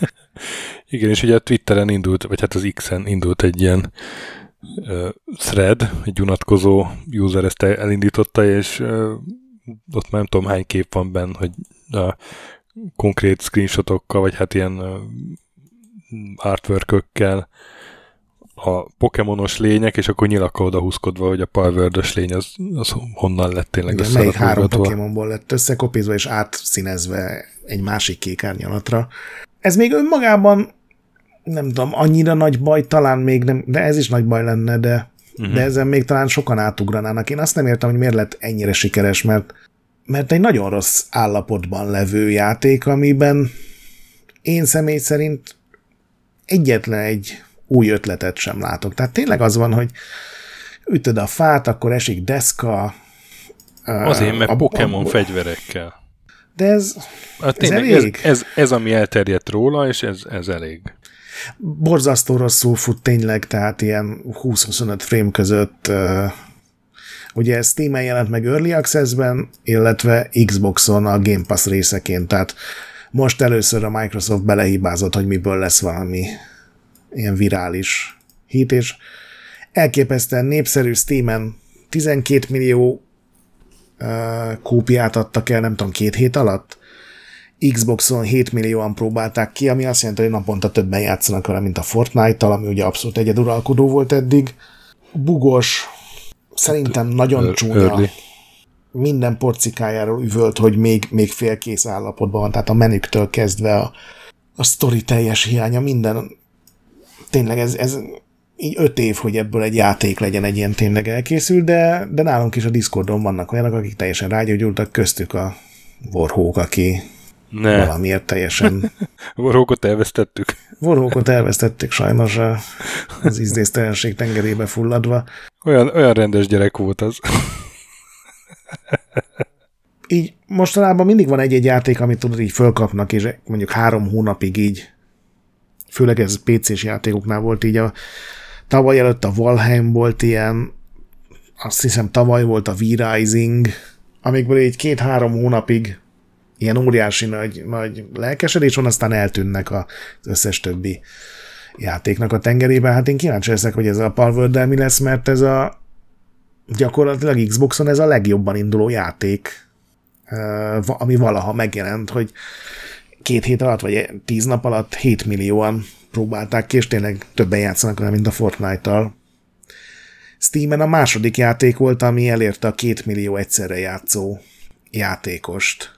Tehát ez nem az, hogy egy egész jól fogy ahhoz képest, hogy milyen pici játék, hanem ez minden más leírt maga körül, még a, az ilyen örökzöldeket is, mint a nem tudom, a GTA, vagy a Call of Duty, vagy akár a Counter-Strike.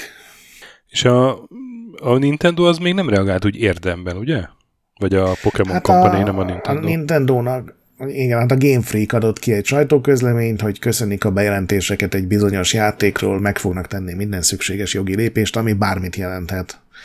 Elvileg a lények kinézete miatt az, legalábbis ez az amerikai elemzések szerint, hogy Japánban, mert ez ugye egy japán cég, a Palworld, meg a Nintendo, vagy a Pokémon is, tehát a ottani szabályok szerintem e tekintetben még kevésbé adnak lehetőséget, de ott Amerikában nem lehet ilyen kinézetet levédetni. Tehát azt nem tudod mondani, hogy levédettem a nem tudom, a pikachu a szemét, vagy a, uh-huh, a Charmandernek a nem tudom, a tűzleheletét, mert, mert ennél konkrétabb dolgok azok, amiket így, le lehet védeni, vagy ilyen. Tehát ez nem egy levíthető dolog, emiatt nem lehet miatta perelni, és én biztos vagyok benne, hogy Japánban is ez van, mert hát ugye rengeteg, ott még több ilyen független termék létezik, ugye mangák, animék, amik már létező franchise-ok alapján készülnek, és azokat árulják is. Ugye ez a Doujin nevű termékcsoport. Én nem hiszem, hogy ebből perrel bármit lehetne csinálni. Én mondom, én egy órát játszottam vele, de hát egy másodpercét nem élveztem, olyan primitív volt, és mondom, még nem is az, hogy tök jó ötletek, csak még nincsen befejezve, hanem ez egy full átlagos, semmi olyat nem hozó béna játék, amiben lőhetsz rakétavetővel, nem tudom, egy ilyen Pikachu tánzatra. Én, én se értem egész, nyilván nagyon boomer, boomerek vagyunk, hogy ezt nem, ér, nem értjük, hogy ez miért lett ekkora siker, de valamilyen hiány, hiányba ez beletalált. Lehet, hogy sokan akarták már ilyen Pokémon lények, szerű lényekkel vérengzeni, vagy dropszolgaként tartani. Nem tudom. Nekem a még a sztoriban érdekes, hogy ez a Pocket Per csinálta, és ennek a CEO-ja, ez a Takuro Mizobe, hogy, hogy ő mennyire össze-vissza kommunikál erről az egészről. Igen, ez egy pici cég, ami abszolút nincsen fölkészülve erre a sikerre, ez egy igen, másik igen, dolog. Igen, és... Tehát eddig nekik ilyen, ilyen nem rossz, de ilyen, tudod, Steam-en játszanak vele néhány százan típusú játékaik voltak. Így van, így van. És hát, hát pár nappal ezelőtt állította azt, hogy vagy pár héttel ezelőtt írta azt, hogy a Powernek a lényeit azt egyetlen ilyen izé, végzős művészet is hallgató csinálta meg, akit keresett, keresett munkát, nem találták, vagy nem vették fel sehova, és akkor náluk meg megtalálta a helyét. De hogy előkerültek ilyen régi Twitter üzenetei, meg, meg előadásai nekik, és hát 2022-ben ugyanez a, a Takuro Mizube arra értekezett hosszá, hogy a generatívai az mennyire jó eszköz lehet ahhoz, hogy az ilyen copyright problémákat megkerüld. Igen. Egy másik 2021-es posztban ott pedig azt írta, hogy hát az, az AI az milyen jó tudna generálni új Pokémon lényeket. És akkor ezek után kijön a Palworld, az kicsit azért gyanús, hogy lehet, hogy ott nem csak egy, egy darab izé hallgató rakta össze ezeket a lényeket, hanem volt ott még valami algoritmus is. Igen, de ezeket ugye, amikor valami AI-val történik, azt általában azért ma még könnyű felfedezni, mert uh-huh. mert így messziről ránézve tökéletesnek tűnnek, de minél több részletet nézel meg, annál inkább feltűnik, hogy hogy azok nem stimmelnek. Nyilván ez főleg embereknél működik, tök jól arcoknál, embereket ábrázoló fotóknál, az ilyen rajzolt lényeknél ez más. Azt teljesen el tudom képzelni, hogy egy AI csinált nekik egy csomó lehetséges ilyen Pokémon keverést, és abból uh-huh. néhány ilyen gyakornok kiválogatta, hogy melyik az, ami jó, és azt még kézzel átfestették, meg átalakították. De ha ez full kézzel készült, akkor sem lesz sokkal jobb a helyzet igazából Igen. ebből a szempontból. Igen. Hát kíváncsi vagyok, hova, hova fajul ezt. Évvégén mit fogunk mondani a Palworldről? Fogunk-e még beszélni róla? Bár mondjuk, ha így indul, akkor valószínűleg fogunk. Hát nem De... tudom, a, a Valheimről meg a, a V-Risingról sem sokat beszéltünk, pedig nem ekkora kiugrás volt, de azért azok is nagyon jól indultak. Szerintem ez azon is múlik, hogy ez a pici stúdió mit, kezd, mit tud kezdeni ezzel az óriási nagy sikerrel, hogy... Igen, hát jelenlegi állás szerint valami 19 millióan vették, meg azt hiszem ez volt a legutóbbi szám, és hát ez mindegy szerverekhez kell kapcsolódnia, és a Pocket Pair az viccelődött már azon így Twitteren, hogy hát olyan drága most már így a szerverek fenntartás, hogy az a csődbe viheti a céget, igazából ezt így tényleg viccnek szánta, de azt megosztotta, hogy a Palworld szervereit havi majdnem félmillió dollár fenntartani, 478 ezer dollár.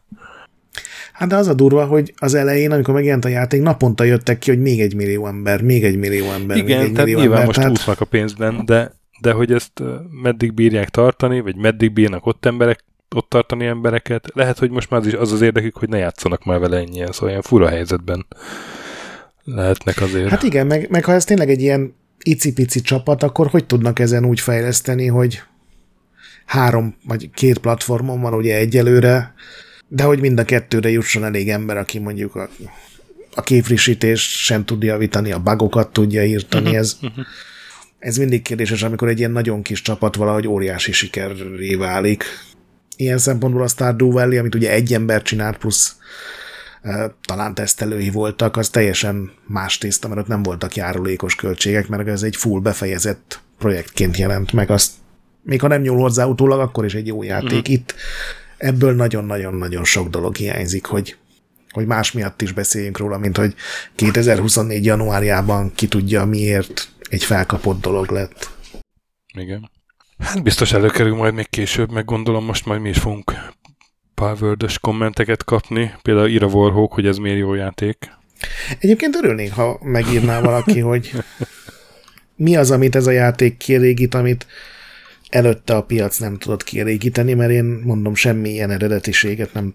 Pokémon fegyverekkel. Én értem, de ez... Szerintem ezt elégíti ki. Én remélem ennél többről van szó. Hülye, hülye lények nagy puskákkal. De még a lényegnek is alig van animációja. De abszolút, eh, tudom, tudom. Nem jó benne lőni, nem jó benne harcolni, tehát még ez... Oké, okay, lépjünk már. Jó, Ö, megint, megint egy perrel tudunk így lazítani, jó?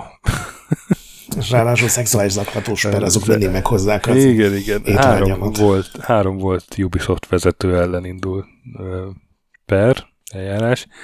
Bobigny, hogy kell ejteni? Bobigny? Bobigny ö, település, ami am- amúgy Párizs agglomerációjába tartozik, tehát az ottani helyi ügyészség ö, kezdeményezett eljárást. A Ubisoft három volt vezetője ellen, az egyikük Serge Haskő, hogy kell ejteni? Mondjuk. mondjuk, ilyen két pont van az N, fogalmam sincs, hogy kell ejteni. Ő a, hát egyébként a második ember volt a Ubisoftnál. Igen, ő volt, aki kitalálta a Ubisoft The Game receptet, és ezt minden játékba van, belerakatta. így van. Az ő jobb keze, Tommy François, és van egy harmadik, akit nem neveztek meg. Ellenük indult, indult eljárás. Hát az előző az első kettő, akit néven említettem, ellenük szexuális zaklatás, a harmadik az csak egy uh, ilyen lelki terrort idézőjelben csak lelki terror volt, tehát üvöltözött meg azzal fenyegetőzött, hogy megöli egy kollégáját, hogyha nem dolgozik rendesen. Morális gondokat okozott. Morális gondok, az egy, jó, hát volt egy szakállas kolléga, akinek így odavitt egy ilyen öngyújtót, hogy mindjárt meggyújtja a szakállát, de hát Kis, kisebb morális gondokat okozott Igen. vezetőként. igen, igen, hát ez a, ez a François, ő meg, megpróbált megcsókolni minden elkezés ellenére egy, egy alkalmazott hölgyet, a Bobinyinak, vagy a, a Haskell-nek nem részletezik itt a tetteid. És hát a, az alperesek részéről ott a, az ügyvédük az kifogásolta azt, hogy, hogy hát csak ezt a három volt embert hurcolják meg, szerintük a Ubisoft jelenlegi vezetését is be kellene vonni a, az ügybe, de hát nem vonták be. Hát nem, ugye ez is több évig tartott, tehát ki tudja, hogy még ott hány informát per, potenciális per van ilyen információgyűjtős szakaszban. Uh-huh. Ugye ez a Ubisoft per, ez nem 2023-ban indult, hanem nem is tudom hány éve már, amikor először beszámoltunk róla, meg aztán eltelt egy időszakot, kirúgták ezt a Szerst, meg gondolom a kis haverjait. Azt is sok helyről hallani, már arról is beszámoltunk, hogy ugye a, a mostani cégvezetés az mindenről tudott, és az összes intézkedés, amit hoztak, az ilyen látszott intézkedés volt. Ez a kivizsgáltuk magunkat, de nem találtunk semmi gondot. Aztán beszéltünk vagy egy, vagy két návval ezelőtt, nem, decemberiben? A, a december elején beszéltünk arról, hogy készül egy magyar retro játékos felmérés, és hát reklámoztuk mi is, hogy minél többen töltsék ki. Hát nem tudom, hogy ez soknak számít, vagy kevésnek, ki- vagy kb. 700-an kitöltötték decemberben. Nyilván nem re- reprezentatív kutatás, de mindenki, aki kitöltötte, az nyakig benne van így a retro, magyar retro videójátékos szcénában, úgyhogy ilyen tendenciák azok látszanak belőle. Hát például az, hogy a, ebben a diaszporában a nők aránya az 2%, úgyhogy viszonylag kevés retro videójátékos női rajongó van a jelek szerint. Korfa az így szétágazóbb, tehát főleg 40-es éveik elején vannak a válaszolók, de volt köztük azért 15 éves, meg 75 éves is. Mindenféle toplisták is vannak, a top 10 retro számítógép márka a Commodore, a Spectrum, harmadik helyen a Videoton TVC, ami ugye magyar, negyedik helyen Enterprise, ötödik helyen Atari, top 5 retro konzol márka Nintendo, Sega, Playstation, Microsoft és Atari.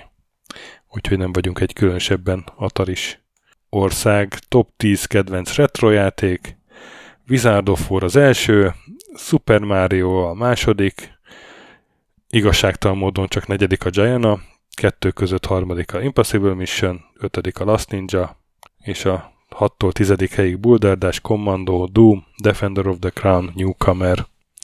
Hát erősen C64 felé tendál a, akkor ezek szerint a magyar széna. Én azért tudnék még néhány jó PC-s klasszikus mondani a Doomon kívül, mondjuk akár a Boulder helyett, de, de hát azért ezek mind jó játékok. Nagyon mennek ezek a mini konzolok, minden harmadik válaszolónak volt, ha jól, jól olvastam, és hát nincs benne a kutatási eredményekben, de a Cornél megsúgta, hogy volt egy olyan kérdés, hogy honnan tájékozott, és ott a IDDQD meg a checkpoint az elég előkelő helyen volt. Valószínűleg a Drive Assistance emiatt van ilyen piszok magas helyen. Agy, agymosod a népet. Jó, hát remélem ez így minden évben meg lesz, és akkor jobban fognak látszani tendenciák, trendek. Na, kicsit térjünk vissza a Ubisofthoz, van egy jó kis helyzetjelentés. Az Insider Gaming írt egy cikket Tom Henderson, mindenféle forrásokra, akik nyilatkoztak neki Ubisoftból, volt Ubisoftosok, jelenlegi Ubisoftosok, és hát ugye az látszik, hogy ez a cég, ez, ez egy elég lejtmenetben van, Ugye ez látszott azért, a, ahogy csúsztak, meg félbe maradtak a projektjeik, ahogy össze-vissza váltogatták, hogy éppen mire vannak rágyógyulva, ahogy voltak ott is tömeges elbocsátások, meg hát ugye most említettünk pereket. De hát ez a cikk ez, ezt új részletekkel erősíti ezt a gyanút. Hogy is kezdjük ezt? Tehát ugye mi is beszéltünk róla, hogy amikor volt az NFT, akkor azonnal rárepültek az NFT-re ezzel a Quartz projekttel, aztán az abban maradt, vagy így elhalt. Aztán... Hát az NFT korszakot ugye követte az a 2021-es időszak, amikor a free-to-play Battle Royale Igen. játékokra akartak teljesen ráomlani. Volt egy időszak, amikor szerintem arról egy korábbi adásban mi is beszámoltunk, mert az elég nagyot ment akkor, hogy uh, volt néhány olyan hónap, amikor 12 ilyen játék volt fejlesztés alatt, a legtöbbet még bejelentés előtt elkaszálták.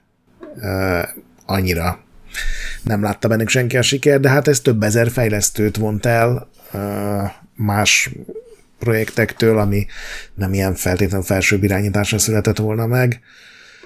Ez a cikk kitér olyan játékokra, amik fejlesztés alatt állnak, amikkel általában nem szoktunk foglalkozni, ilyen nem bejelentett uh-huh. tulajdonképpen plegykának számító játékokkal, független attól, hogy ezek valószínűleg tényleg létező projektek, de hát mint láttuk, bármit törölhetnek. A lényeg az, hogy készül egy új Ghost Recon, készül két Far Cry, amiből az egyik multiplayeres, de ezek mind ilyen 2026-27 környéki megjelenés. Ugye a Ubisoftnál, ami még nagyon sok pénzt vitt el, az a Skull and Bones, most fog megjelenni két hét múlva, hogyha összeállnak a elvileg. csillagállások, meg a konstellációk, meg minden. Ez általában több mint 200 millió dollárba került, ami hát valószínűleg ennek a nem tudom, egy nyolcadát találták ki az elején, amikor bejelentették, de hát ezt ugye nagyon sok éve hallgatjuk, meg meséljük, hogy meg kommentáljuk, hogy hogy halasztják el, miért muszáj befejezni. Kiadják, aztán valami lesz. Egyébként a legtöbb információ szerint egyáltalán nem szar ez a Skull and Bones most már, csak csak ez is olyan, hogy nem feltétlenül az a játék, ami miatt Igen, meg... hagyják majd ott a már létező játékokat. Ez, ez is benne van a cikkben, hogy már az is probléma a Ubisoftnál, hogy, hogy a, amilyen híre volt így az elmúlt években, vagy így, tehát hogy így én is, én nagyon szerettem egy időben Ubisoftot, és most már teljesen izé leküzdötte magát a nagyon rossz a megítélése nem feltétlenül így az ilyen hogy nem csak az ilyen munkahelyi kultúra hírek miatt, hanem egyáltalán a játékok, ahogy készülnek, meg amilyen hát szellemiségben, igen, meg amilyen, amilyen minőségben. És hát most például itt ez a Prince of Persia, a Lost Crown, aminek tök pozitív a kritikai fogadtatása, kapja a magas pontszámokat, és a cikk szerint körülbelül 300 ezeren vették meg, ami nudli egy ilyen Ubisoft méretű cégnél. És hát akkor gondolom a Skull Bossnál is ez lehet, hogy még ha jó játék is lesz, ezt, ezt nem fogják sokan megvenni. Igen, ami ugye nekik nagy, nagy, nagy, nem szerencse ez, mert rengeteg munkába került, de hogy az Assassin's Creed sorozat az még egyelőre még jól megy, tehát a, uh-huh. a legutóbbi a va, nagy rész, az a Valhalla, az, az megdöntötte a korábbiaknak egy csomó rekordját. A Mirage szerintem nem volt jó játék, de az egy jóval olcsó projekt volt.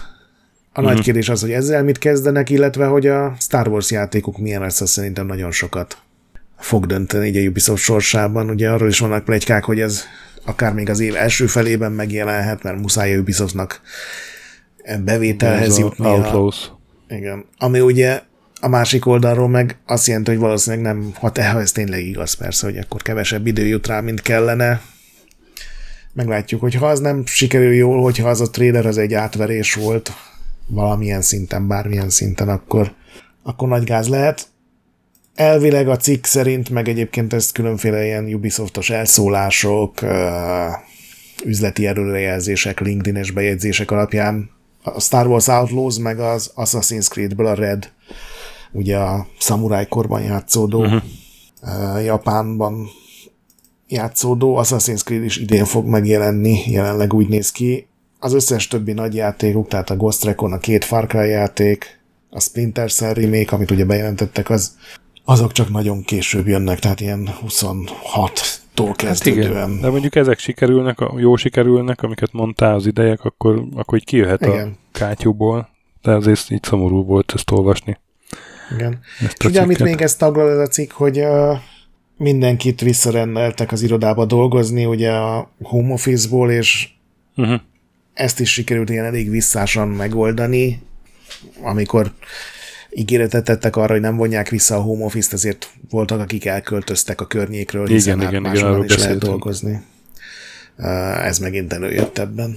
Aztán van egy érdekes Twitter vagy X üzenet, amit berakta ide, a német állami játéktámogatások nyilvánosak. Igen, hát ez magyar szemmel nézve már ez is tök sci hogy valami nyilvános. Hát még az, hogy videójátékfejlesztéseket így támogatnak. Igen, és... mindenki nézze meg, berakjuk. Itt van valami 32 támogatott projekt, ezt nem fogjuk mind végigmondani, de hát ilyen mindegyiket millió eurós nagyságrendben támogatta a, a német állam a legkevesebb a 32. helyen az másfél millióval, a legtöbb az első helyen az 5,7 millióval, tehát nincsenek ilyen tehát ugyanaz a nagyságrend mindenhol. Az, az, az úgy érdekesnek tűnik nekem. Nincs az, hogy van, aki egy milliót kap, van, aki meg 15-öt, mert azt hiszem a lengyeleknél az így, így volt. Igen. Meg, azt hát a fejlesztő csapat nagyságától magy- függött. Magyar filmes támogatások is így szoktak menni. De hát így a, a Ubisoft Minds, a Mindsi Ubisoft iroda kap, kapta a legtöbbet, ez a 5,7 millió euró, nem tudni milyen játékra. Ezek ugye, igen, ezek, tehát ezek olyan játékok, amiket Németországban fejlesztenek, de a kiadó nagyon sok esetben szerintem az esetek több mint felében nem német. Igen, Van egy japán igen, cég igen, is és, például, aki És ugye nincs is rendes címük, csak munkacímük a legtöbb esetben. Igen, csak utólag szokták őket igen, be. Igen, 5,5 milliárdot kapott a Fish Labs, a Project Black nevű 5,5 millió. 5, bocsánat, 5,5 millió, igen. Ami hát az embracer van, a Fish Labs, tehát ott, ott, itt, itt több, több izé, cég van, ami az Embracer-nél van, és mondjuk olyan is, ahol éppen leépítettek, úgyhogy kíváncsi vagyok, hogy Igen, tehát hogy a Piranha Bytes-nál az update logó, az pont azt jelenti, hogy az a Piranha Bytes az beszüntette a munkát, az Igen. LX3-nak volt a Curryverse-t a kódneve, ami hát nem tudom, hogy illik össze, de hogy ilyenkor például vissza kell fizetni a támogatást, hogyha a kiadó így becsukja a boltot, vagy ez pontosan mit jelent, az, az nem Én tudom. Gondolom van valami, tá- valami teljesítési feltétele azért ezeknek, hogy akkor vissza kell fizetni, hogyha nem. Ezért. Csak amíg megszűnik a, ha, mondjuk, ha nem teljesítesz x év múlva egy játékot. De ha mondjuk megszűnik addigra rég a cég, nem tudom, akkor kimverik le. Remélem az emlészet CEO-n félig fagyott pontyokkal agyonverik. De nem, nem, nem agyon, csak meg. Igen, de például a, ugye Ubisoft Minds az itt nem csak egyszer szerepel, mert egy 2,6 millió eurós támogatást is kapnak, azt konkrétan az Anno 1800 elkészítésére. Igen, szerintem érdekesek a ah. dolgok. Ugye beszéltünk erről, hogy Magyarországon és lehet, hogy jót tenne ennek a piacnak, de hát nyilván másként működnek ezek a dolgok. Aztán Suicide Squad nem tudta tartani a 110 eurós ugye ilyen Deluxe Edition verzió, vagy melyik volt ez? Igen. Az Early Access-t, mert problémásra sikerült az indulása, szerverek nem bírták a strapát, meg, meg bugos is volt, és akkor le kellett állítani a szolgáltatást több órára.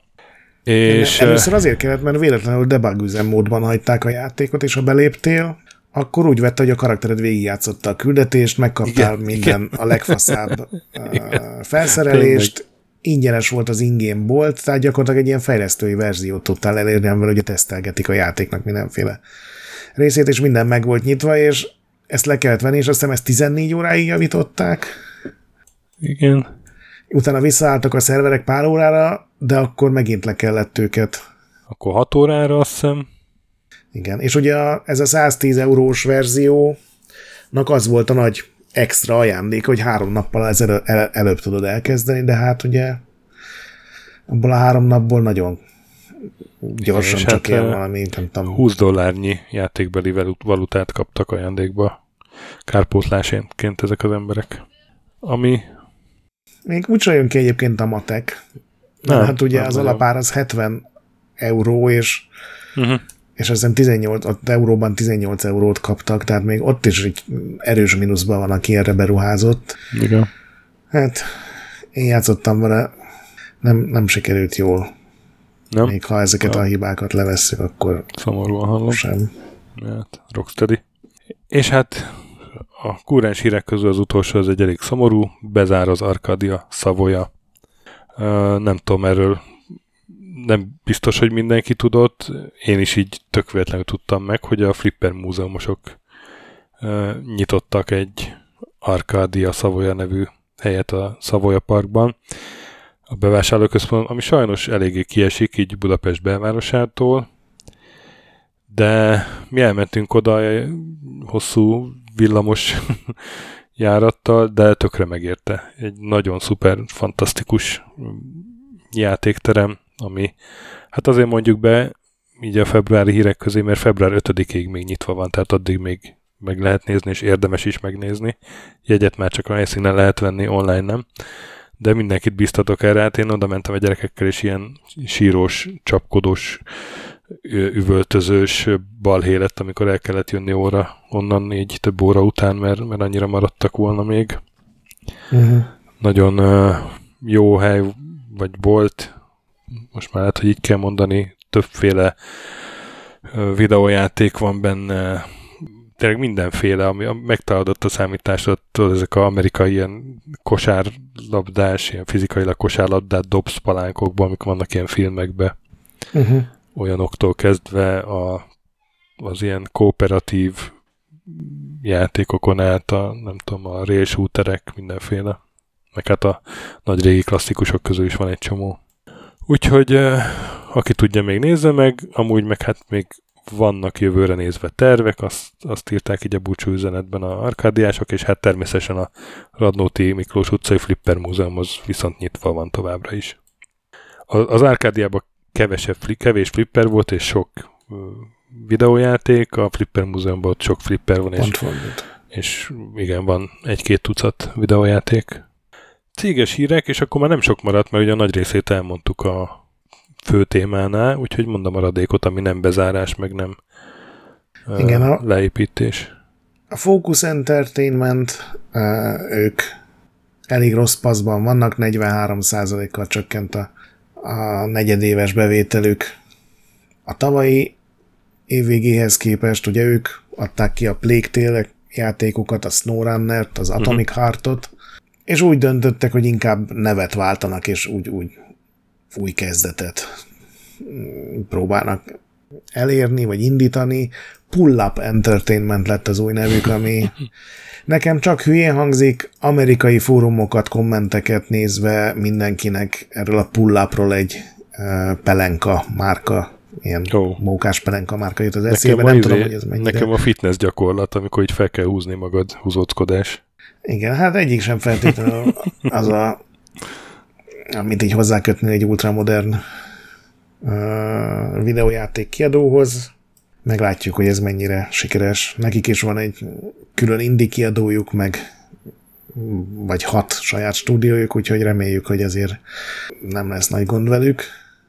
Akiknél valószínűleg volt gond, de erre találtak megoldást, az a lengyel Techland, akik ugye a Dying Light-ról lehetnek ismertek, val őket felvásárolta a Tencent, mégpedig 6,3 milliárd zlotyért, ami pénzben kifejezve valami várjál, írom a nullákat, elnézést, hogyha valaki falra mászott a beszédtől. 560 milliárd forint, ami elég uh. sok. Mi? Az, az hihetetlenül sok. Azt a... Igen, igen, igen, az ennyi. Túl sok részlet nem derült ki. Én legalábbis még lengyel nyelven sem találtam csak egy ilyen bejelentést ezen túl. A Tencent általában ugye nem nagyon szól bele a projektekbe, legalábbis ez volt eddig a tradíció. Hát tavaly ők is jelezték, hogy lehet, hogy most már be, bele fognak szólni dolgokba, mert nekik is kell a pénz. Ugye volt ez a kínai bejelentjük, hogy szétverjük a teljes gaming piacot, aztán visszakozunk balhé, amint több milliárd dollárt buktak. Meglátjuk. Aztán ugye a Rocksteady-t már említettük, azt talán nem teljesen egyértelmű, hogy ez a Rocksteady, ez abszolút nem az a Rocksteady, akik a Batman játékokat csinálták. Nem csak az alapítók mentek el, de gyakorlatilag a Batman játékoknak valamennyi lídje ott hagyta az elmúlt években a stúdiót. Most az alapítókról érkezett hír, Sefton Hill és Jamie Walker voltak, akik létrehozták annak a stúdiót, most 100 Star néven egy új stúdiót alapítottak Londonban, nagy kiadós támogatással már dolgoznak egy akciójátékon, ennyit lehet róluk tudni. És alakult egy másik új stúdió is, amit a Volition romjain alapítottak, ugye tavaly szeptemberben, novemberben, októberben beszéltünk róla, hogy az Embracer bezárta a teljes volition akik ugye a Saints Row játékokat csinálták, még korábban a Red faction meg a Summoner-öket, akiknek volt valami kis befektetni való pénze, ők összeálltak és Shapeshifter néven. Nagyon közel a régi stúdiójukhoz összeraktak egy csapatot, és elvileg Ári Löttelők is egy nyílt világú játékon dolgoznak minden platformra, úgyhogy ezek voltak a hát pozitívabb hírek talán legalábbis nem olyan uh-huh. egyértelműen szuper negatívak. Hát akkor menjünk át a retros hírekre, néhány van csak. TCFS régi vendégünk, a plusz négy Paganénie, ezúttal a Turbo Outrant csinálta meg. Nem tudom, nézted a videót? Mm. Megint megint durva. Egészen durva megint. Most így külön a zene is, amit ugye Csabó csinált, ő ilyen állandó tettes társa már TCFS-nek, Unreal pedig a grafikát egyes grafikai elemeket, de hogy ez a digit hang is megmaradt az intro zenében. Tudod, amikor mondja, hogy Igen. A, outrun. Elképesztő. Meg hát a játék is nagyon smooth. Az eltérő pályák benne vannak. Igen, igen, igen. Kemény. És hát a következő projektje a Giana. Hát igen, ez minden hős előbb-utóbb átkerül a, a sötét oldalra. Végre kap egy méltó portot ez a kiváló játék. Aztán ugye említettem a felmérés eredményénél, hogy népszerűek a mini konzolok, úgy látszik nem csak Magyarországon. Atari 400 mini készül, március 28-án fog érkezni, körülbelül fele akkora, mint egy Atari 400, de 400 mini. A címe egy replika joystickkal együtt, úgyis az a Retro Games csinálja, akik a C64 minit, meg az Amiga 500 minit. 120 dollár lesz az ára, és 25 beépített játékot fog tartalmazni, például Berserk, Boulder Dash, a Lee, Bruce Lee talán? Igen. Miner 2049R. Star Raiders Com- 2. Missile Command, Star Raiders 2, Mule, igen, igen, ezek így kiderültek. Hát ugye ez egy 79-es számítógép. És ez ugye a leggyengébb Atari számítógép volt, mert a 800 volt a, Igen, igen, igen. Hát az igazán elterjedt, de hát ez ugye emulátort használ, tehát mi, futatni fog mindent szinte.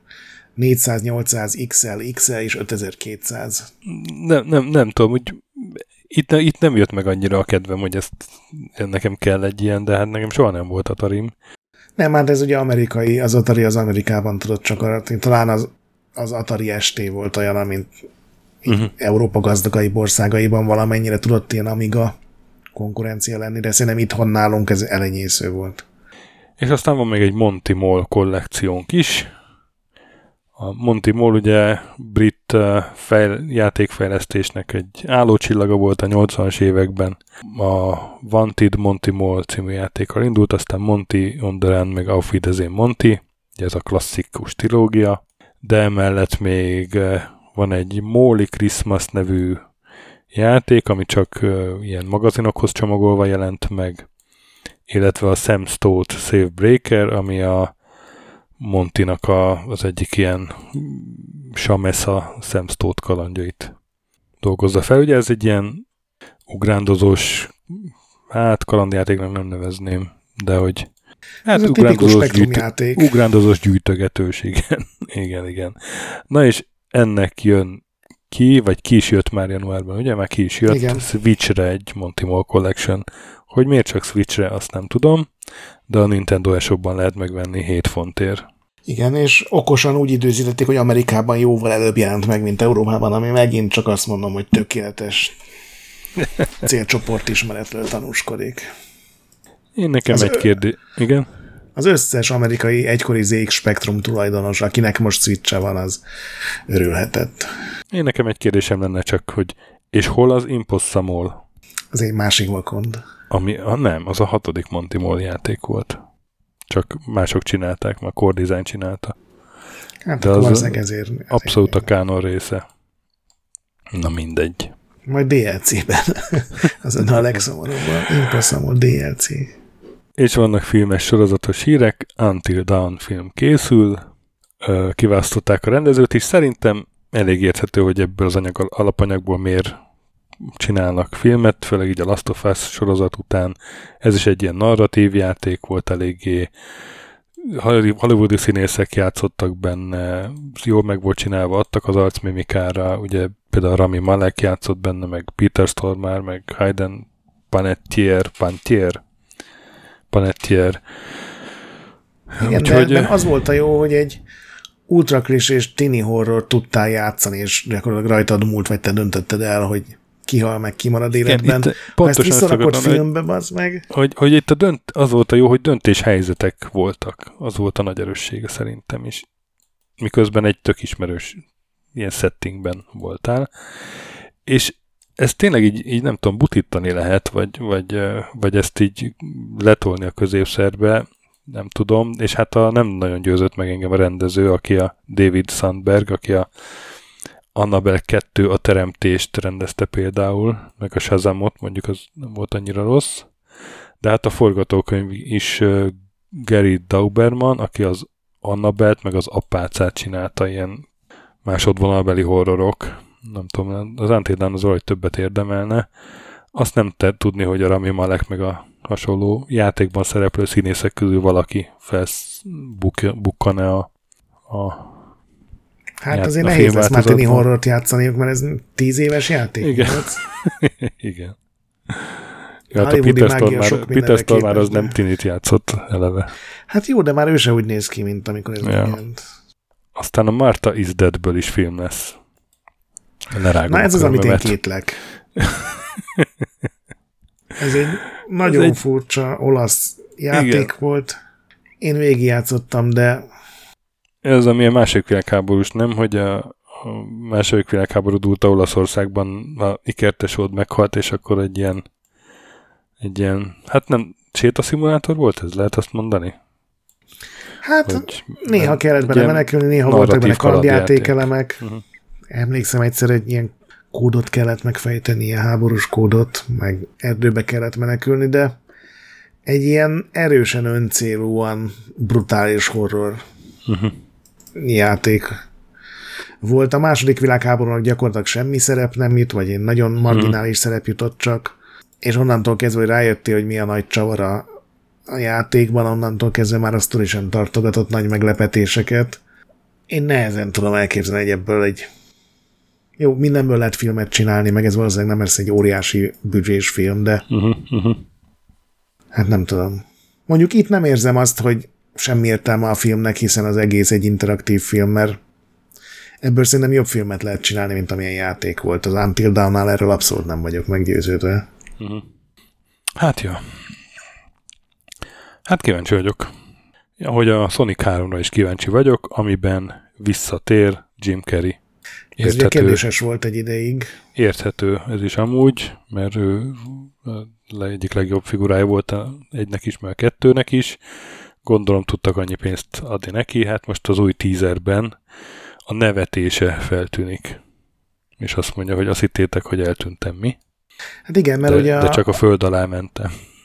A főgonosz Shadow lesz, ugye a nagyon Igen. edgy sűn. A Sonic Adventure 2 lesz című játékból fog sokat meríteni a film a jelek szerint. Az és amikor, szeret... amikor azt mondja egy, egy, egy film, hogy egy Sonic játékból merítek a történethez, akkor így, így összerezzenek. Ezekben igen. nem volt történet, ezekben hát, történtek igen, ilyen rajzfilmes igen, dolgok. Ezért is, ezért is nem lett már annyira jó szerintem a kettes, mert ott próbáltak már játék lóriához közelíteni, és Na mindegy, ezt már elmondtam párszor. És most szeretnélek idézni téged. Ne, ne, ne Szó szerint. Ne? Ne idézzem? Elég, ha megnézi mindenki. A Gravity Rush film mert megmutatta a Sony, hogy hogy fog kinézni. Te hogy jellemeznéd, hogy ne az én szavaimat? Ez egy csak animációs film, vagy élőszereplős? Nem, ez élős. Hogy hát nem tudom én, én nem voltam biztos benne, így a trailer után, de hogy, hogy nagyon ronda, abban igen.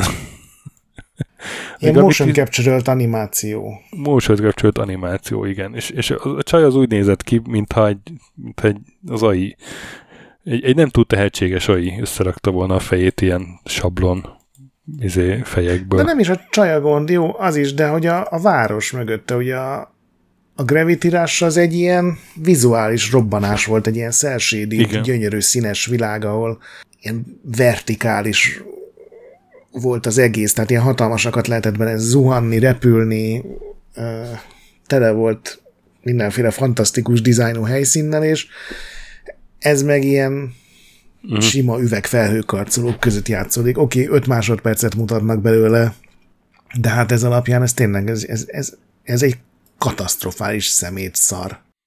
Hát nem tetszett nekem sem. Ilyen zéró köze van a, azon túl, hogy így egy, egy csaj zuhan.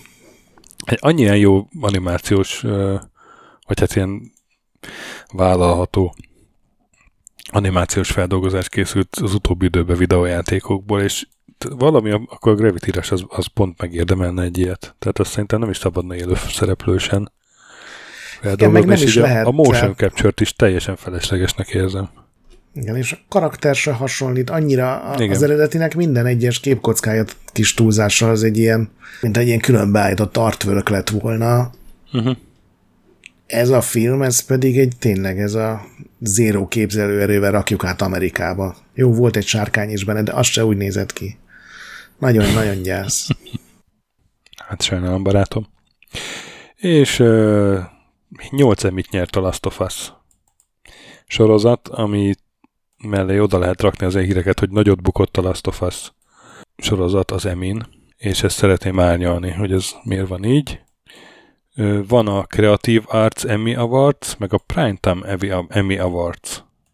És a Primetime Emmy Awards az a, a nagy Emmy díjak, ezeknek van egy ilyen nagy gálája, amit közvetítenek mindenhol, és van a Creative Arts Emmy Awards, tehát nem azt csinálják, mint az Oscaron, hogy a technikai díjakkal együtt odaadják a. nagy mhm. díjakat, hanem a technikai díjaknak külön csinálnak egy rendezvényt egy-két nappal korábban, annak is van egy gálája, de azt így nem közvetítik annyira, meg, meg az, az egy sokkal kisebbet durran. Na és a Last of Us-t azt 24 díjra jelölték, de csak 5 volt nagy díj ezek közül, tehát 18 az a Creative Arts Emmy Awards jelölés volt, és 5 a Primetime-os, és 8-at vitt el, mind a Creative Arts Emmy Awardson, de a nagyok közül egyet se. Tehát a Primetime Emmy ott, ott nem, nem vitte el díjat, de a Creative Arts Emmy Awardson elvitt 8-at is, és valamiért így a technikai díjak között van ott a a, Mondd ezt akartam, ami, hogy a színészek miért vannak ne, Azt, azt nem, nem értem, mit keresnek ott, de hát ő ugye nem, fő, nem főszereplő, nem mellékszereplő, hanem Outstanding Guest Actor, actor meg Outstanding Guest Actress, ami nem csak tudom. A, csak azok kaphatják, akik egy-két részben játszanak. Hát szerintem, nem. szerintem az, aki csak egy részben játszott, igen, vagy ilyesmi. Szerintem ez az, de hogy akkor is mit, miért itt vannak, azt nem értem, de hogy ugye ezek közül, tehát két színész is kapott így díjat, csak ugye nem a Primetime Emin, a Nick Offerman,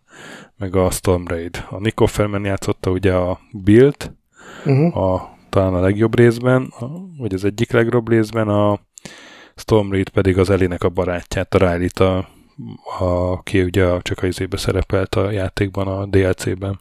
Uh-huh. És hát ezek közül meg technikai díjak, a vágás, a, a legjobb főcím, hangvágás, ilyeneket, vizuális effektek, egyik sminkdíj, meg, meg hangkeverés, ezeket kapta meg. Uh-huh. De, de legjobb sorozat, meg ilyesmi az nem lett. Én megmondom őszintén, hogy, hogy értem ezt, és örülök ennek a nyolc díjnak is, meg Nick Offermannek is. Annyira rohadt erős volt az Emmy, hogy, hogy mezőnye, hogy szerintem szerintem voltak jobb sorozatok a Last of Us-nál, akármennyire is szeretem a Last of Us-t. Uh-huh. És még a jobb sorozatok közül is volt olyan, ami, amit teljesen hanyagoltak. Tehát nem tudom, láttad-e a, az utódlást, vagy azt lehet, hogy te nem nézed. Az utolsó nem. évada az valami brutál volt tényleg egy ilyen több évados Shakespeare drámának a csúcspontja. Fantasztikus volt. A Mackónak bármilyen izé fura is a magyar címe, így a, má, a második évada egészen durván jó volt. De hát a, amin én nagyon, nagyon sajnáltam, ez a Better Call Saul, ami szerintem nálam ugye az örökös top 10-ben ott van a, a Breaking Bad-del együtt, aminek a spin-offja, és az utolsó évad, évadja ment le. Elképesztő jó volt. Nagyon-nagyon vártam már a végét, és, és uh, olyan karakterdráma van bennem, olyan színészekkel, hogy, hogy az díjesőt érdemelt volna, és hat évad alatt 53 jelölésből egy Emmy díjat se tudott nyerni szerencsétlen sorozat, és most is díj nélkül maradt. Azt a. Úgyhogy ez, ez egészen kemény. Miközben a Breaking Bad az nyert egy csomó emit, tehát ott, ott a másik oldalon meg ott a, uh-huh. ugye a Vince Gilligan meg Peter Gould csinálták azokat is. De hát, hogy a Bob Odenkirket egyszer nem dobták meg egy díjjal, meg a Rea Seahorn, aki a női főszereplő, azt én furcsálottam, de hát értem, hogy pont most meg nem tudták, mert tényleg a utódlásban is annyira erős volt a felhozata színészileg is. Szóval, szóval teljesen elégedett vagyok a 8 díjával a Last of Us-nak. Ez a lényeg. Így van. Na, halasztások, játékbejelentések, ilyesmi. A halasztások közül igazából egyetlen nagyobb játékot érintő volt, a Stalker 2-t szeptemberre halasztották. Ilyen nagyon konkrét bejelentett megjelenési dátumot, ha jól emlékszem, nem volt, most ez már az első konkrétum. Játékbejelentésből annál több volt, a Microsoft is meg a Sony is rendezett egy-egy ilyen online bemutatót, és mindketten jelentkeztek teljesen új dolgokkal is.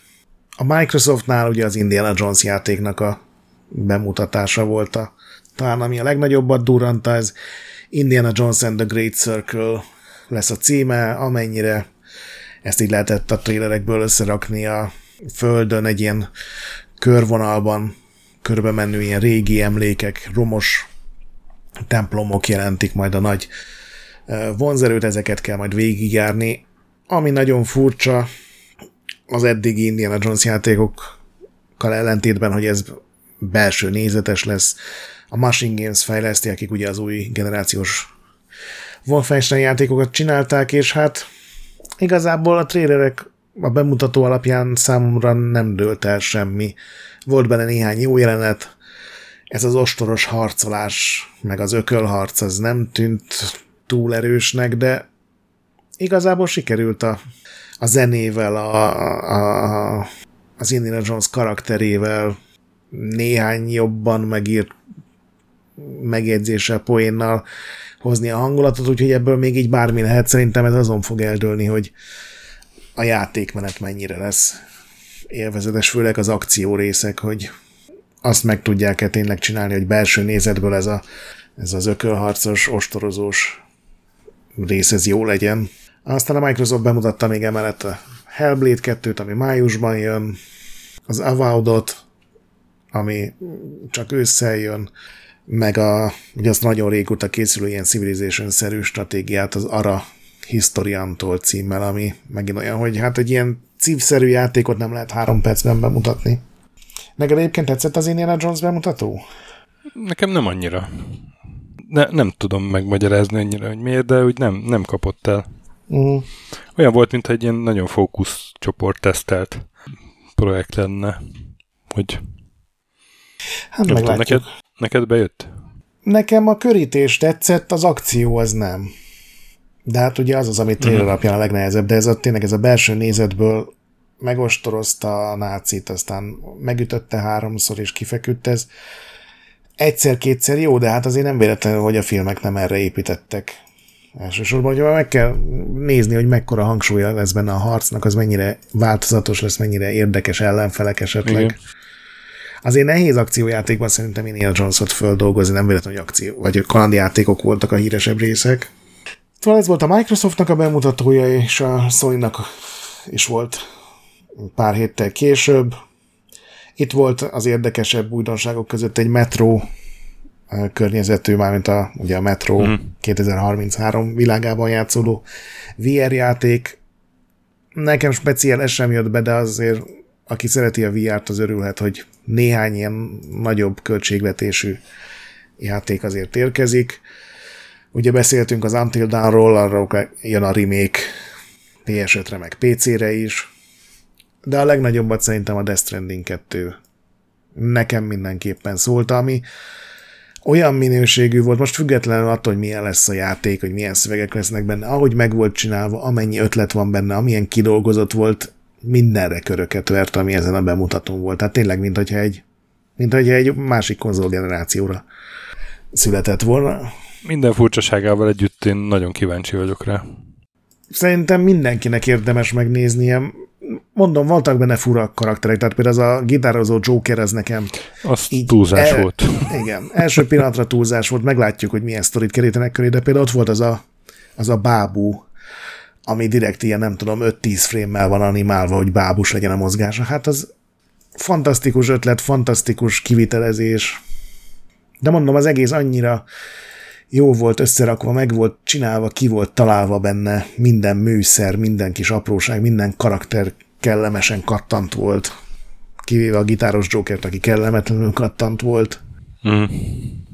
2025-ben jön, tehát még kell rá várni, és Kojima elárulta az ezutáni projektjét, és ez egyelőre a Fizint munkanéven van, akkor kezdik el, hogy Isten igazából fejleszteni, amikor a Death Stranding 2 megjelent, meg gondolom még kicsiszolják, meg talán kap egy-két DLC-t, és ez visszatérés lesz a ugye az ilyen metágírszerű, kémkedős akció, lopakodós akciójátékok világába.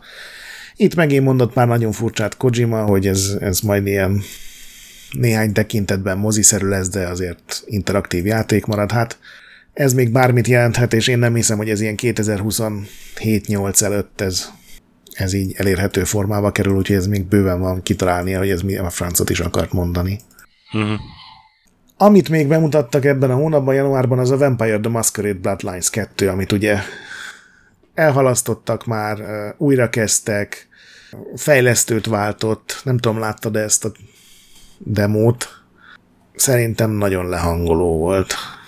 Tudom, hogy sokan szeretik az alapjátékot.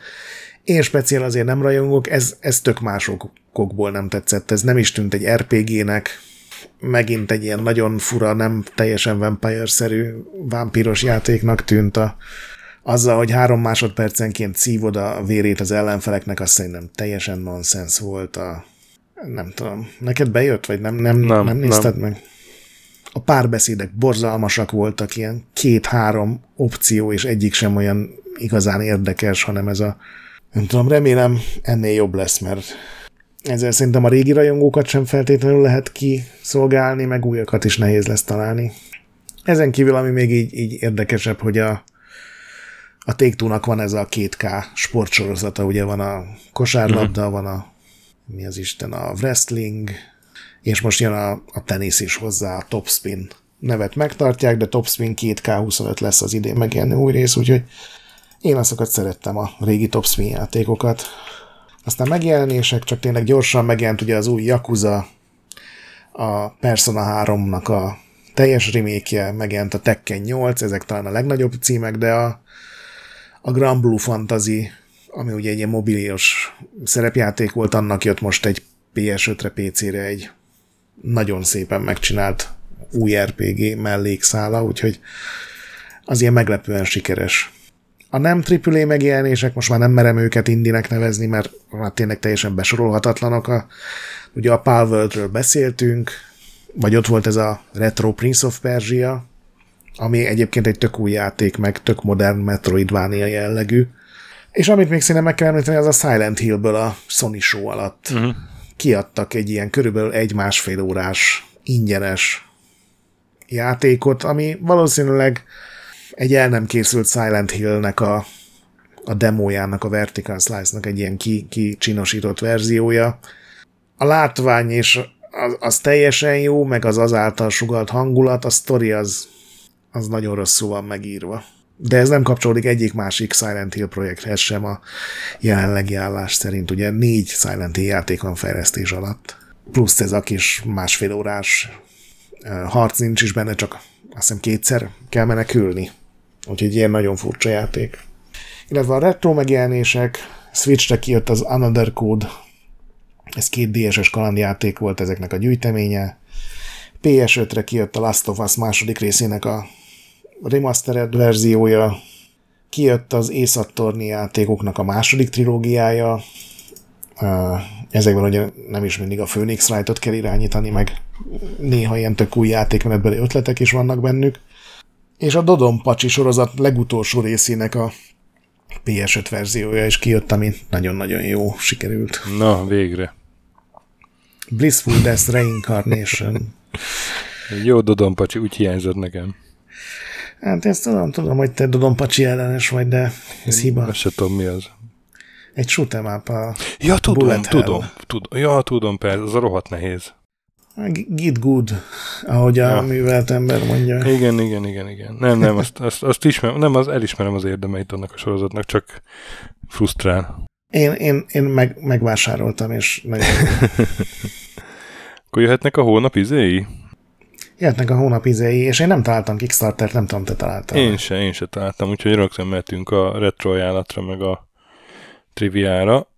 Random retro ajánlat az egészen annyira random volt, hogy bejöttem a szobába, beütöttem a lábamat a szekrénybe, és amikor elfordultam, akkor elém ugrott egy réges-régi Battlefield 1942 doboz. Uh, és eszembe jutott, hogy ezzel milyen jókat játszogattunk, meg hogy a legelső gurutáborban, amivel én lementem, ott pont a Battlefield demója ment, és a Krisz nem lehetett, meg nagyon sokat nem emlékszem, én is ott voltam. és én ezzel nagyon sokat játszottam. Nekem nem az első rész a kedvencem, és ugye ez annyira nem is volt első rész, mert előtte volt a Codename Eagle, nem tudom, az neked meg volt, ez egy ilyen steampunkosabb jellegű, nem. de ugyanilyen csapatjátékos járműveket használó FPS volt, csak ott mondjuk zeppelinek voltak, meg át kellett menni a másik hajóba. De a Battlefield 1942 azt nagyon eltalálták. Az, az akkor, amikor megjelent, az egy ilyen fantasztikus FPS élmény volt a különböző uh-huh.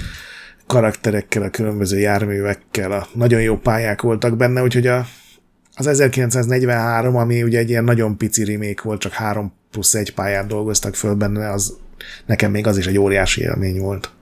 A trivia pedig onnan jött, hogy nézegettem ilyen régi videójátékos pereket, tudod, hogy ki perelte be az Atarit, vagy az Atari kit perelt be uh-huh. 80-as években, és akkor találtam meg egy ilyen videójátékok és a jogi ügyek gyűjteményben a, az első olyan eset, amikor valaki videójátékot akarta alibiként használni egy gyilkossági ügyben.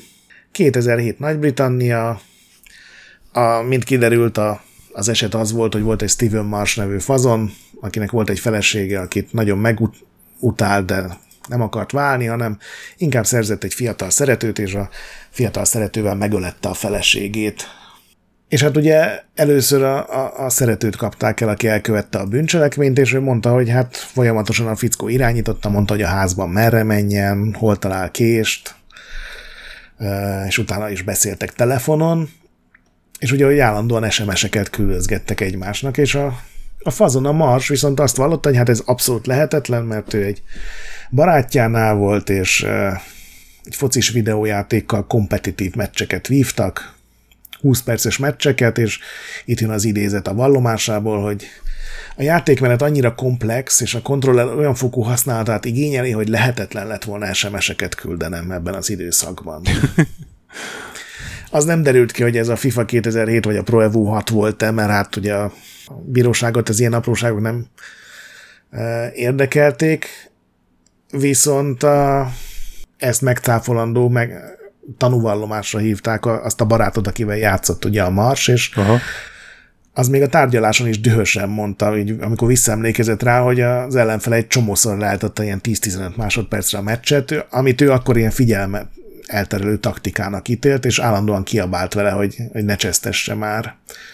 És hát így derült ki, hogy hát a még a 20 perces komplex meccsek, a kontroller teljes fokú használata mellett is lehet SMS-eket küldeni a gyilkos barátnődnek.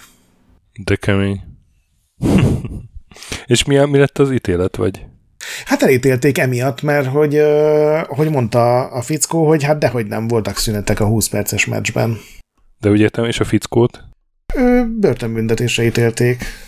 Őt is, De meg a, a ténylegesen elkövet. Mennyi? Azt nem találtam Azt meg. nem tudod? Aha. Mert ugye először csak elítélik, és akkor utána hozzák Szép. meg a részleteket. Kontroll magas fogó használata. Nekem a random retro ajánlatom, szóval valahol, valahol belebotlottam a Laser Squadba, és játszottam vele egy kört megint, és figyelj, ez nekem egy örök klasszikus. ez a Laser Squad. Én nagyon bírom. A C64 verziót is, de szerintem a DOS-os verzió is elég jó használható lett, meg viszonylag szép is és bárkinek ajánlom, aki szereti a körökre osztott stratégiákat, Sterner Regnixet a első pályán lezúzni, az, az nem tudom, az, az egy ilyen Maradandó élményt okozott Marad, neked? Maradan, igen, de annyira, hogy, hogy nem tudom, lehet, hogy azért, mert nekem kb. ez volt így az első stratégiai játék, amivel valaha találkoztam, vagy az egyik Aha. első. És, és mindig ilyen szép vagy jó érzést okoz, amikor újra, újra megcsinálom, de szerintem mint stratégiai játék is tök jó ezzel a Opportunity Fire-rel, ezzel meg különösen ugye, hogy ha elég akciópontot kapsz, akkor hogyha az ellenség a saját körébe lép, és belép a te látómeződbe, tehát észreveszed, uh-huh. akkor tudsz rá ilyen kapáslövést adni. Erre felépíteni a, nem tudom, tehát vannak pályák, amiket csak így lehet megcsinálni a a Battle Droidot azt mondjuk így, így lehet szerintem csak legyőzni a nem tudom, negyedik vagy hányadik pályán, meg úgy, hogy előtte gránátokat telepakolod a termet, becsalogatod, és akkor gránátok is rárobbannak. Szóval ilyen jó kis uh, taktikus játék. Julian Dollop, ugye, aki később, később az UFO-t csinálta. Uh-huh. Ezen, ezen szívta magába a körökre osztott stratégiák csinyait, binyait, hát sőt még korábban ugye volt a, nem tudom, Rebel Star, meg mindenféle játékaik. Szóval most nem tudom, ránéztem a főcím képernyőre, és már megint, megint ellágyult a szívem. Hónap triviája, képzeld el, hogy uh, ilyen uh, mini triviákat hoztam, egy tíz kérdéses kvízt neked. Oh. Nagyon könnyű szerintem, és mondjuk egyet hibázhatsz. Tehát ha kilencet nem találsz ki, akkor, akkor, Úristen. akkor ad, ad vissza a diplomádat, csak hát olyanok, hogy tudod, attól még, hogy te tudod, lehet, hogy többen nem tudják, vagy meglepődnek, olyan infók vannak fogom. Most elkezdtem izgulni. Elkezdte izgulni? Mehet? Ez első, biztos tudod az első, elsőket biztos tudod. Legjövedelmezőbb média franchise, ami 88 milliárd dollárt hozott, a Wikipedia szerint legalábbis. Ez több, mint a Star Wars és a, és a Marvel univerzum együtt, a, majd a filmes. A Wikipedia szerint. Melyik ez a média franchise? Videójátékos természetesen. Hát akkor gondolom a Pokémon. Így van, a Pokémon. Második kérdés. Ezt ugye tudjuk, hogy a PlayStation 2 és a Nintendo DS a legjobban fogyó konzolok, mert a legtöbb példányban elfogyott konzolok, de melyik volt a legtöbb példányban eladott Atari konzol? Ezt tudod-e? Hát gondolom a 2600. Így van, a 2600. 30 millió, ami hát Ó. legalább, más, legalább másfélszer annyi, mint a Commodore 64, és ugye itthon nem volt Atari 2600, és így hajlamosak vagyunk esetleg azt nem felismerni, hogy mennyire nagy hatású konzol volt az, de hát ebből is látszik, hogy már pedig igen. Engem meglepett ez a 30 millió. Az iszonyatosan sok. Az rohadt sok, igen. Első játék, ami 300 millió példányban kelt el. Ami azt jelenti, hogy megjelenése óta percenként 47, ha így leátlagoljuk. Ez egy tavaly októberi hír, még annyit segítek. Akkor a Minecraft. Vagy Melyik? a GTA 5. Vagy a GTA 5, vagy a Minecraft, nem tudom melyik. Na melyiket mondod? 300 millió, azért az rohadt sok. Minecraft. Így van, a Minecraft. Eddig 3 per 3. A Super Mario Bros. a legjövedelmezőbb videójátékos film, tudjuk 1,36 milliárd dollár bevétele volt tavaly, de mi a második legjövedelmezőbb videójátékos film? 450 millió dollárral. Ez biztos az első Sonic. Ezt azért mertem megkérdezni, mert ez, ez, ez előző náuban szerintem elhangzott. Az első Sonic, nem? Nem, A Warcraft? nem. Akkor mi? Hát természetesen a legjövedelmezőbb média franchise. Ja, az a Detektív Detektív Pikachu. Pokémon. Azaz. Pikachu.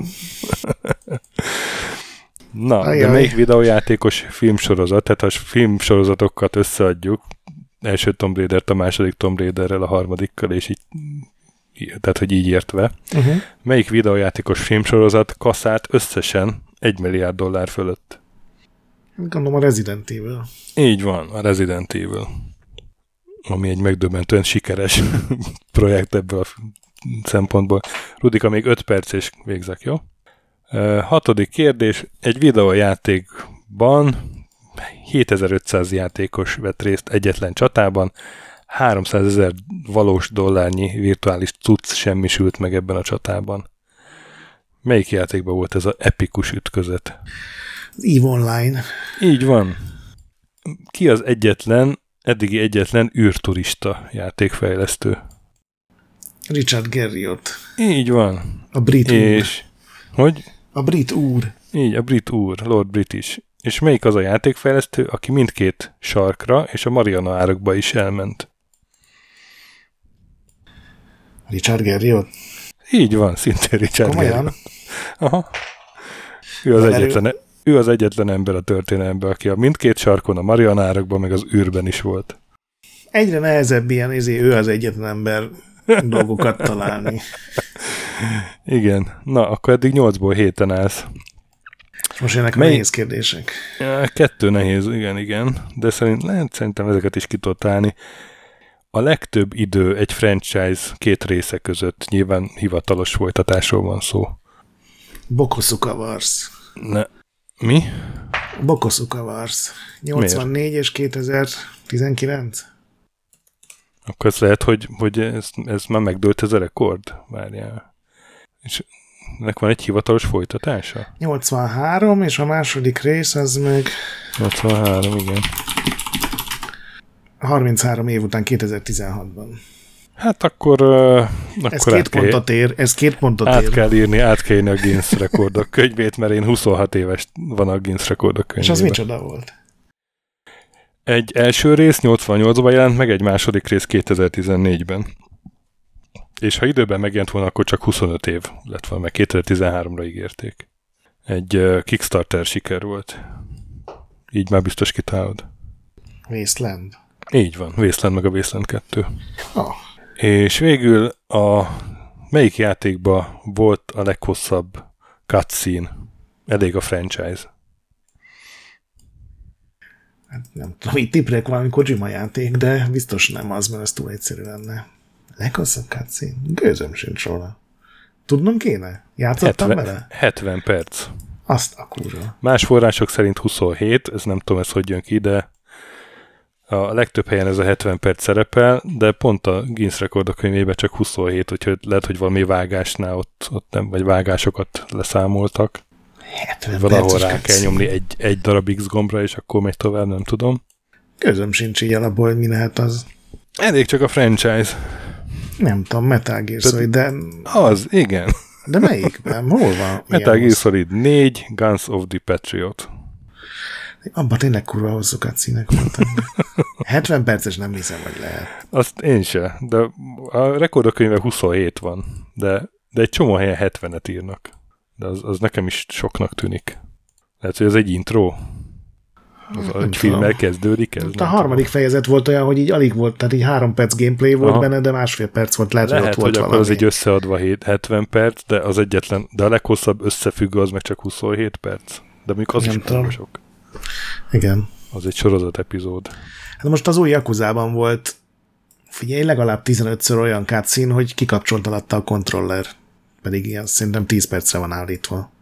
Na, nagyon ügyes volt. Tehát akkor csak a Detective pikachu nem tudtad, az összes többit igen. De hát a, az egyiket meg én tudtam rosszul, úgyhogy, Igen, hát az, az úgyhogy 10-ből 10 pont. szépen, szépen szerepeltél.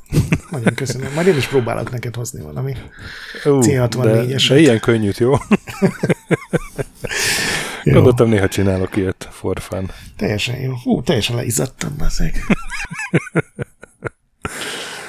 Jó van, most már megnyugodhatsz, már csak a évfordulók van hátra. Oké. Ja, januári évfordulók. Hát, ugye januárban hagyományosan nem, nem sok dolog jelenik meg, de azért a 25 éves Worms Armageddon-t én nekem kötelességem megemlíteni, mint, mint egykori örökös kandó koleszos Worms bajnoknak. Igen, hát amúgy meg tényleg olyan, Vannak jó játékok, de nem olyan óriási nagy játék. igen, igen, tehát ilyen, ilyen látszik, hogy a karácsony után, amit kiadnak, az, az ilyen másodvonalbeli. Tehát a Fallout Brother, Brotherhood of Steel, az például 20 éves. Ami egy ilyen izé volt, ugye, egy ilyen Tactics játék volt, ha jól emlékszem. És hát ne feledkezzünk el egy 35 éves évfordulóról. Egy jelentéktelen kis arcade játék. Egy aranybalta? Egy aranybalta, így van a Golden Axe. Igen, hát a január az, az ilyen nagyon sok évtizeden keresztül, a, ami pont lekéste a karácsonyt, és Igen. a Golden Axe mondjuk pont nem ilyen volt valószínűleg, mert a játéktermi játékoknál talán mindegy a megjelenés hónapja. Teljesen máshogy működik a gazdaságuk, mint a otthoni játékoké, de mi van itt? A Driver 3, ami ugye 20 éve óriási nagy balhét okozott, mert Uh, ó, igen. ott sem bizonyosodott be, de hát elég valószínű, hogy az egyik újság az nem Gyanúsan is pozitív. lefizették őket. A, ugye ők értek az első kritikát, nagyon-nagyon pozitív volt egy nagyon-nagyon nem jó játéknak a kritikájaként, és sok reklám jelent meg abban a magazinban a kiadótól, úgyhogy azt szokták így gyanúsítani, hogy ott, ott komoly lefizetés történt. Ott indult a Gamergate. A Gamergate botrányba is előkerült, emlékszem. Hogy, hogy, hogy azóta romlott ez az egész videójáték újságírás. Hát már az a 80-as években ugyanígy ment, de Ja, persze. Gamergate nem az intelligenciáról lett híres. Hát igen, más nem nagyon. Vannak még, mert mit tudom én, ilyen újabb játékok. Mostanában már ugye ki lehet adni dolgokat januárban, és Mhm. Kingdom Hearts 3, a Resident Evil 2 remake. És hát február is hasonló hónap lesz szerintem, Igen. ami még nem lesz annyira erős, de hát majd akkor is lesznek hírek, meg triviák, meg mindenféle. Tartsatok velünk akkor. Szóval legközelebb jövünk, addig is játszatok sokat, mentsetek boss előtt, én azt mondom, főleg ha lehet. Kövessetek minket Discordon, ahol jó társaság van, olvashatok Retroendet, ahol napi content, hallgassatok Képten Krónikát, ami a másik podcastünk, Mazurral kiegészülve. A Bioszt ne piszkáljátok, már pedig ne piszkáljátok. Vagy csak akkor, ha nagyon tudjátok, mit csináltok. Nem, nem, ne piszkáljátok. Nem. Kinek kellnek színes izé, LED fények, meg Nem, nem, nem szabad. Nem, nem. Vagy ha piszkáljátok is, akkor a fantazmagorillát ne piszkáljátok, mert az tényleg veszélyes dolog.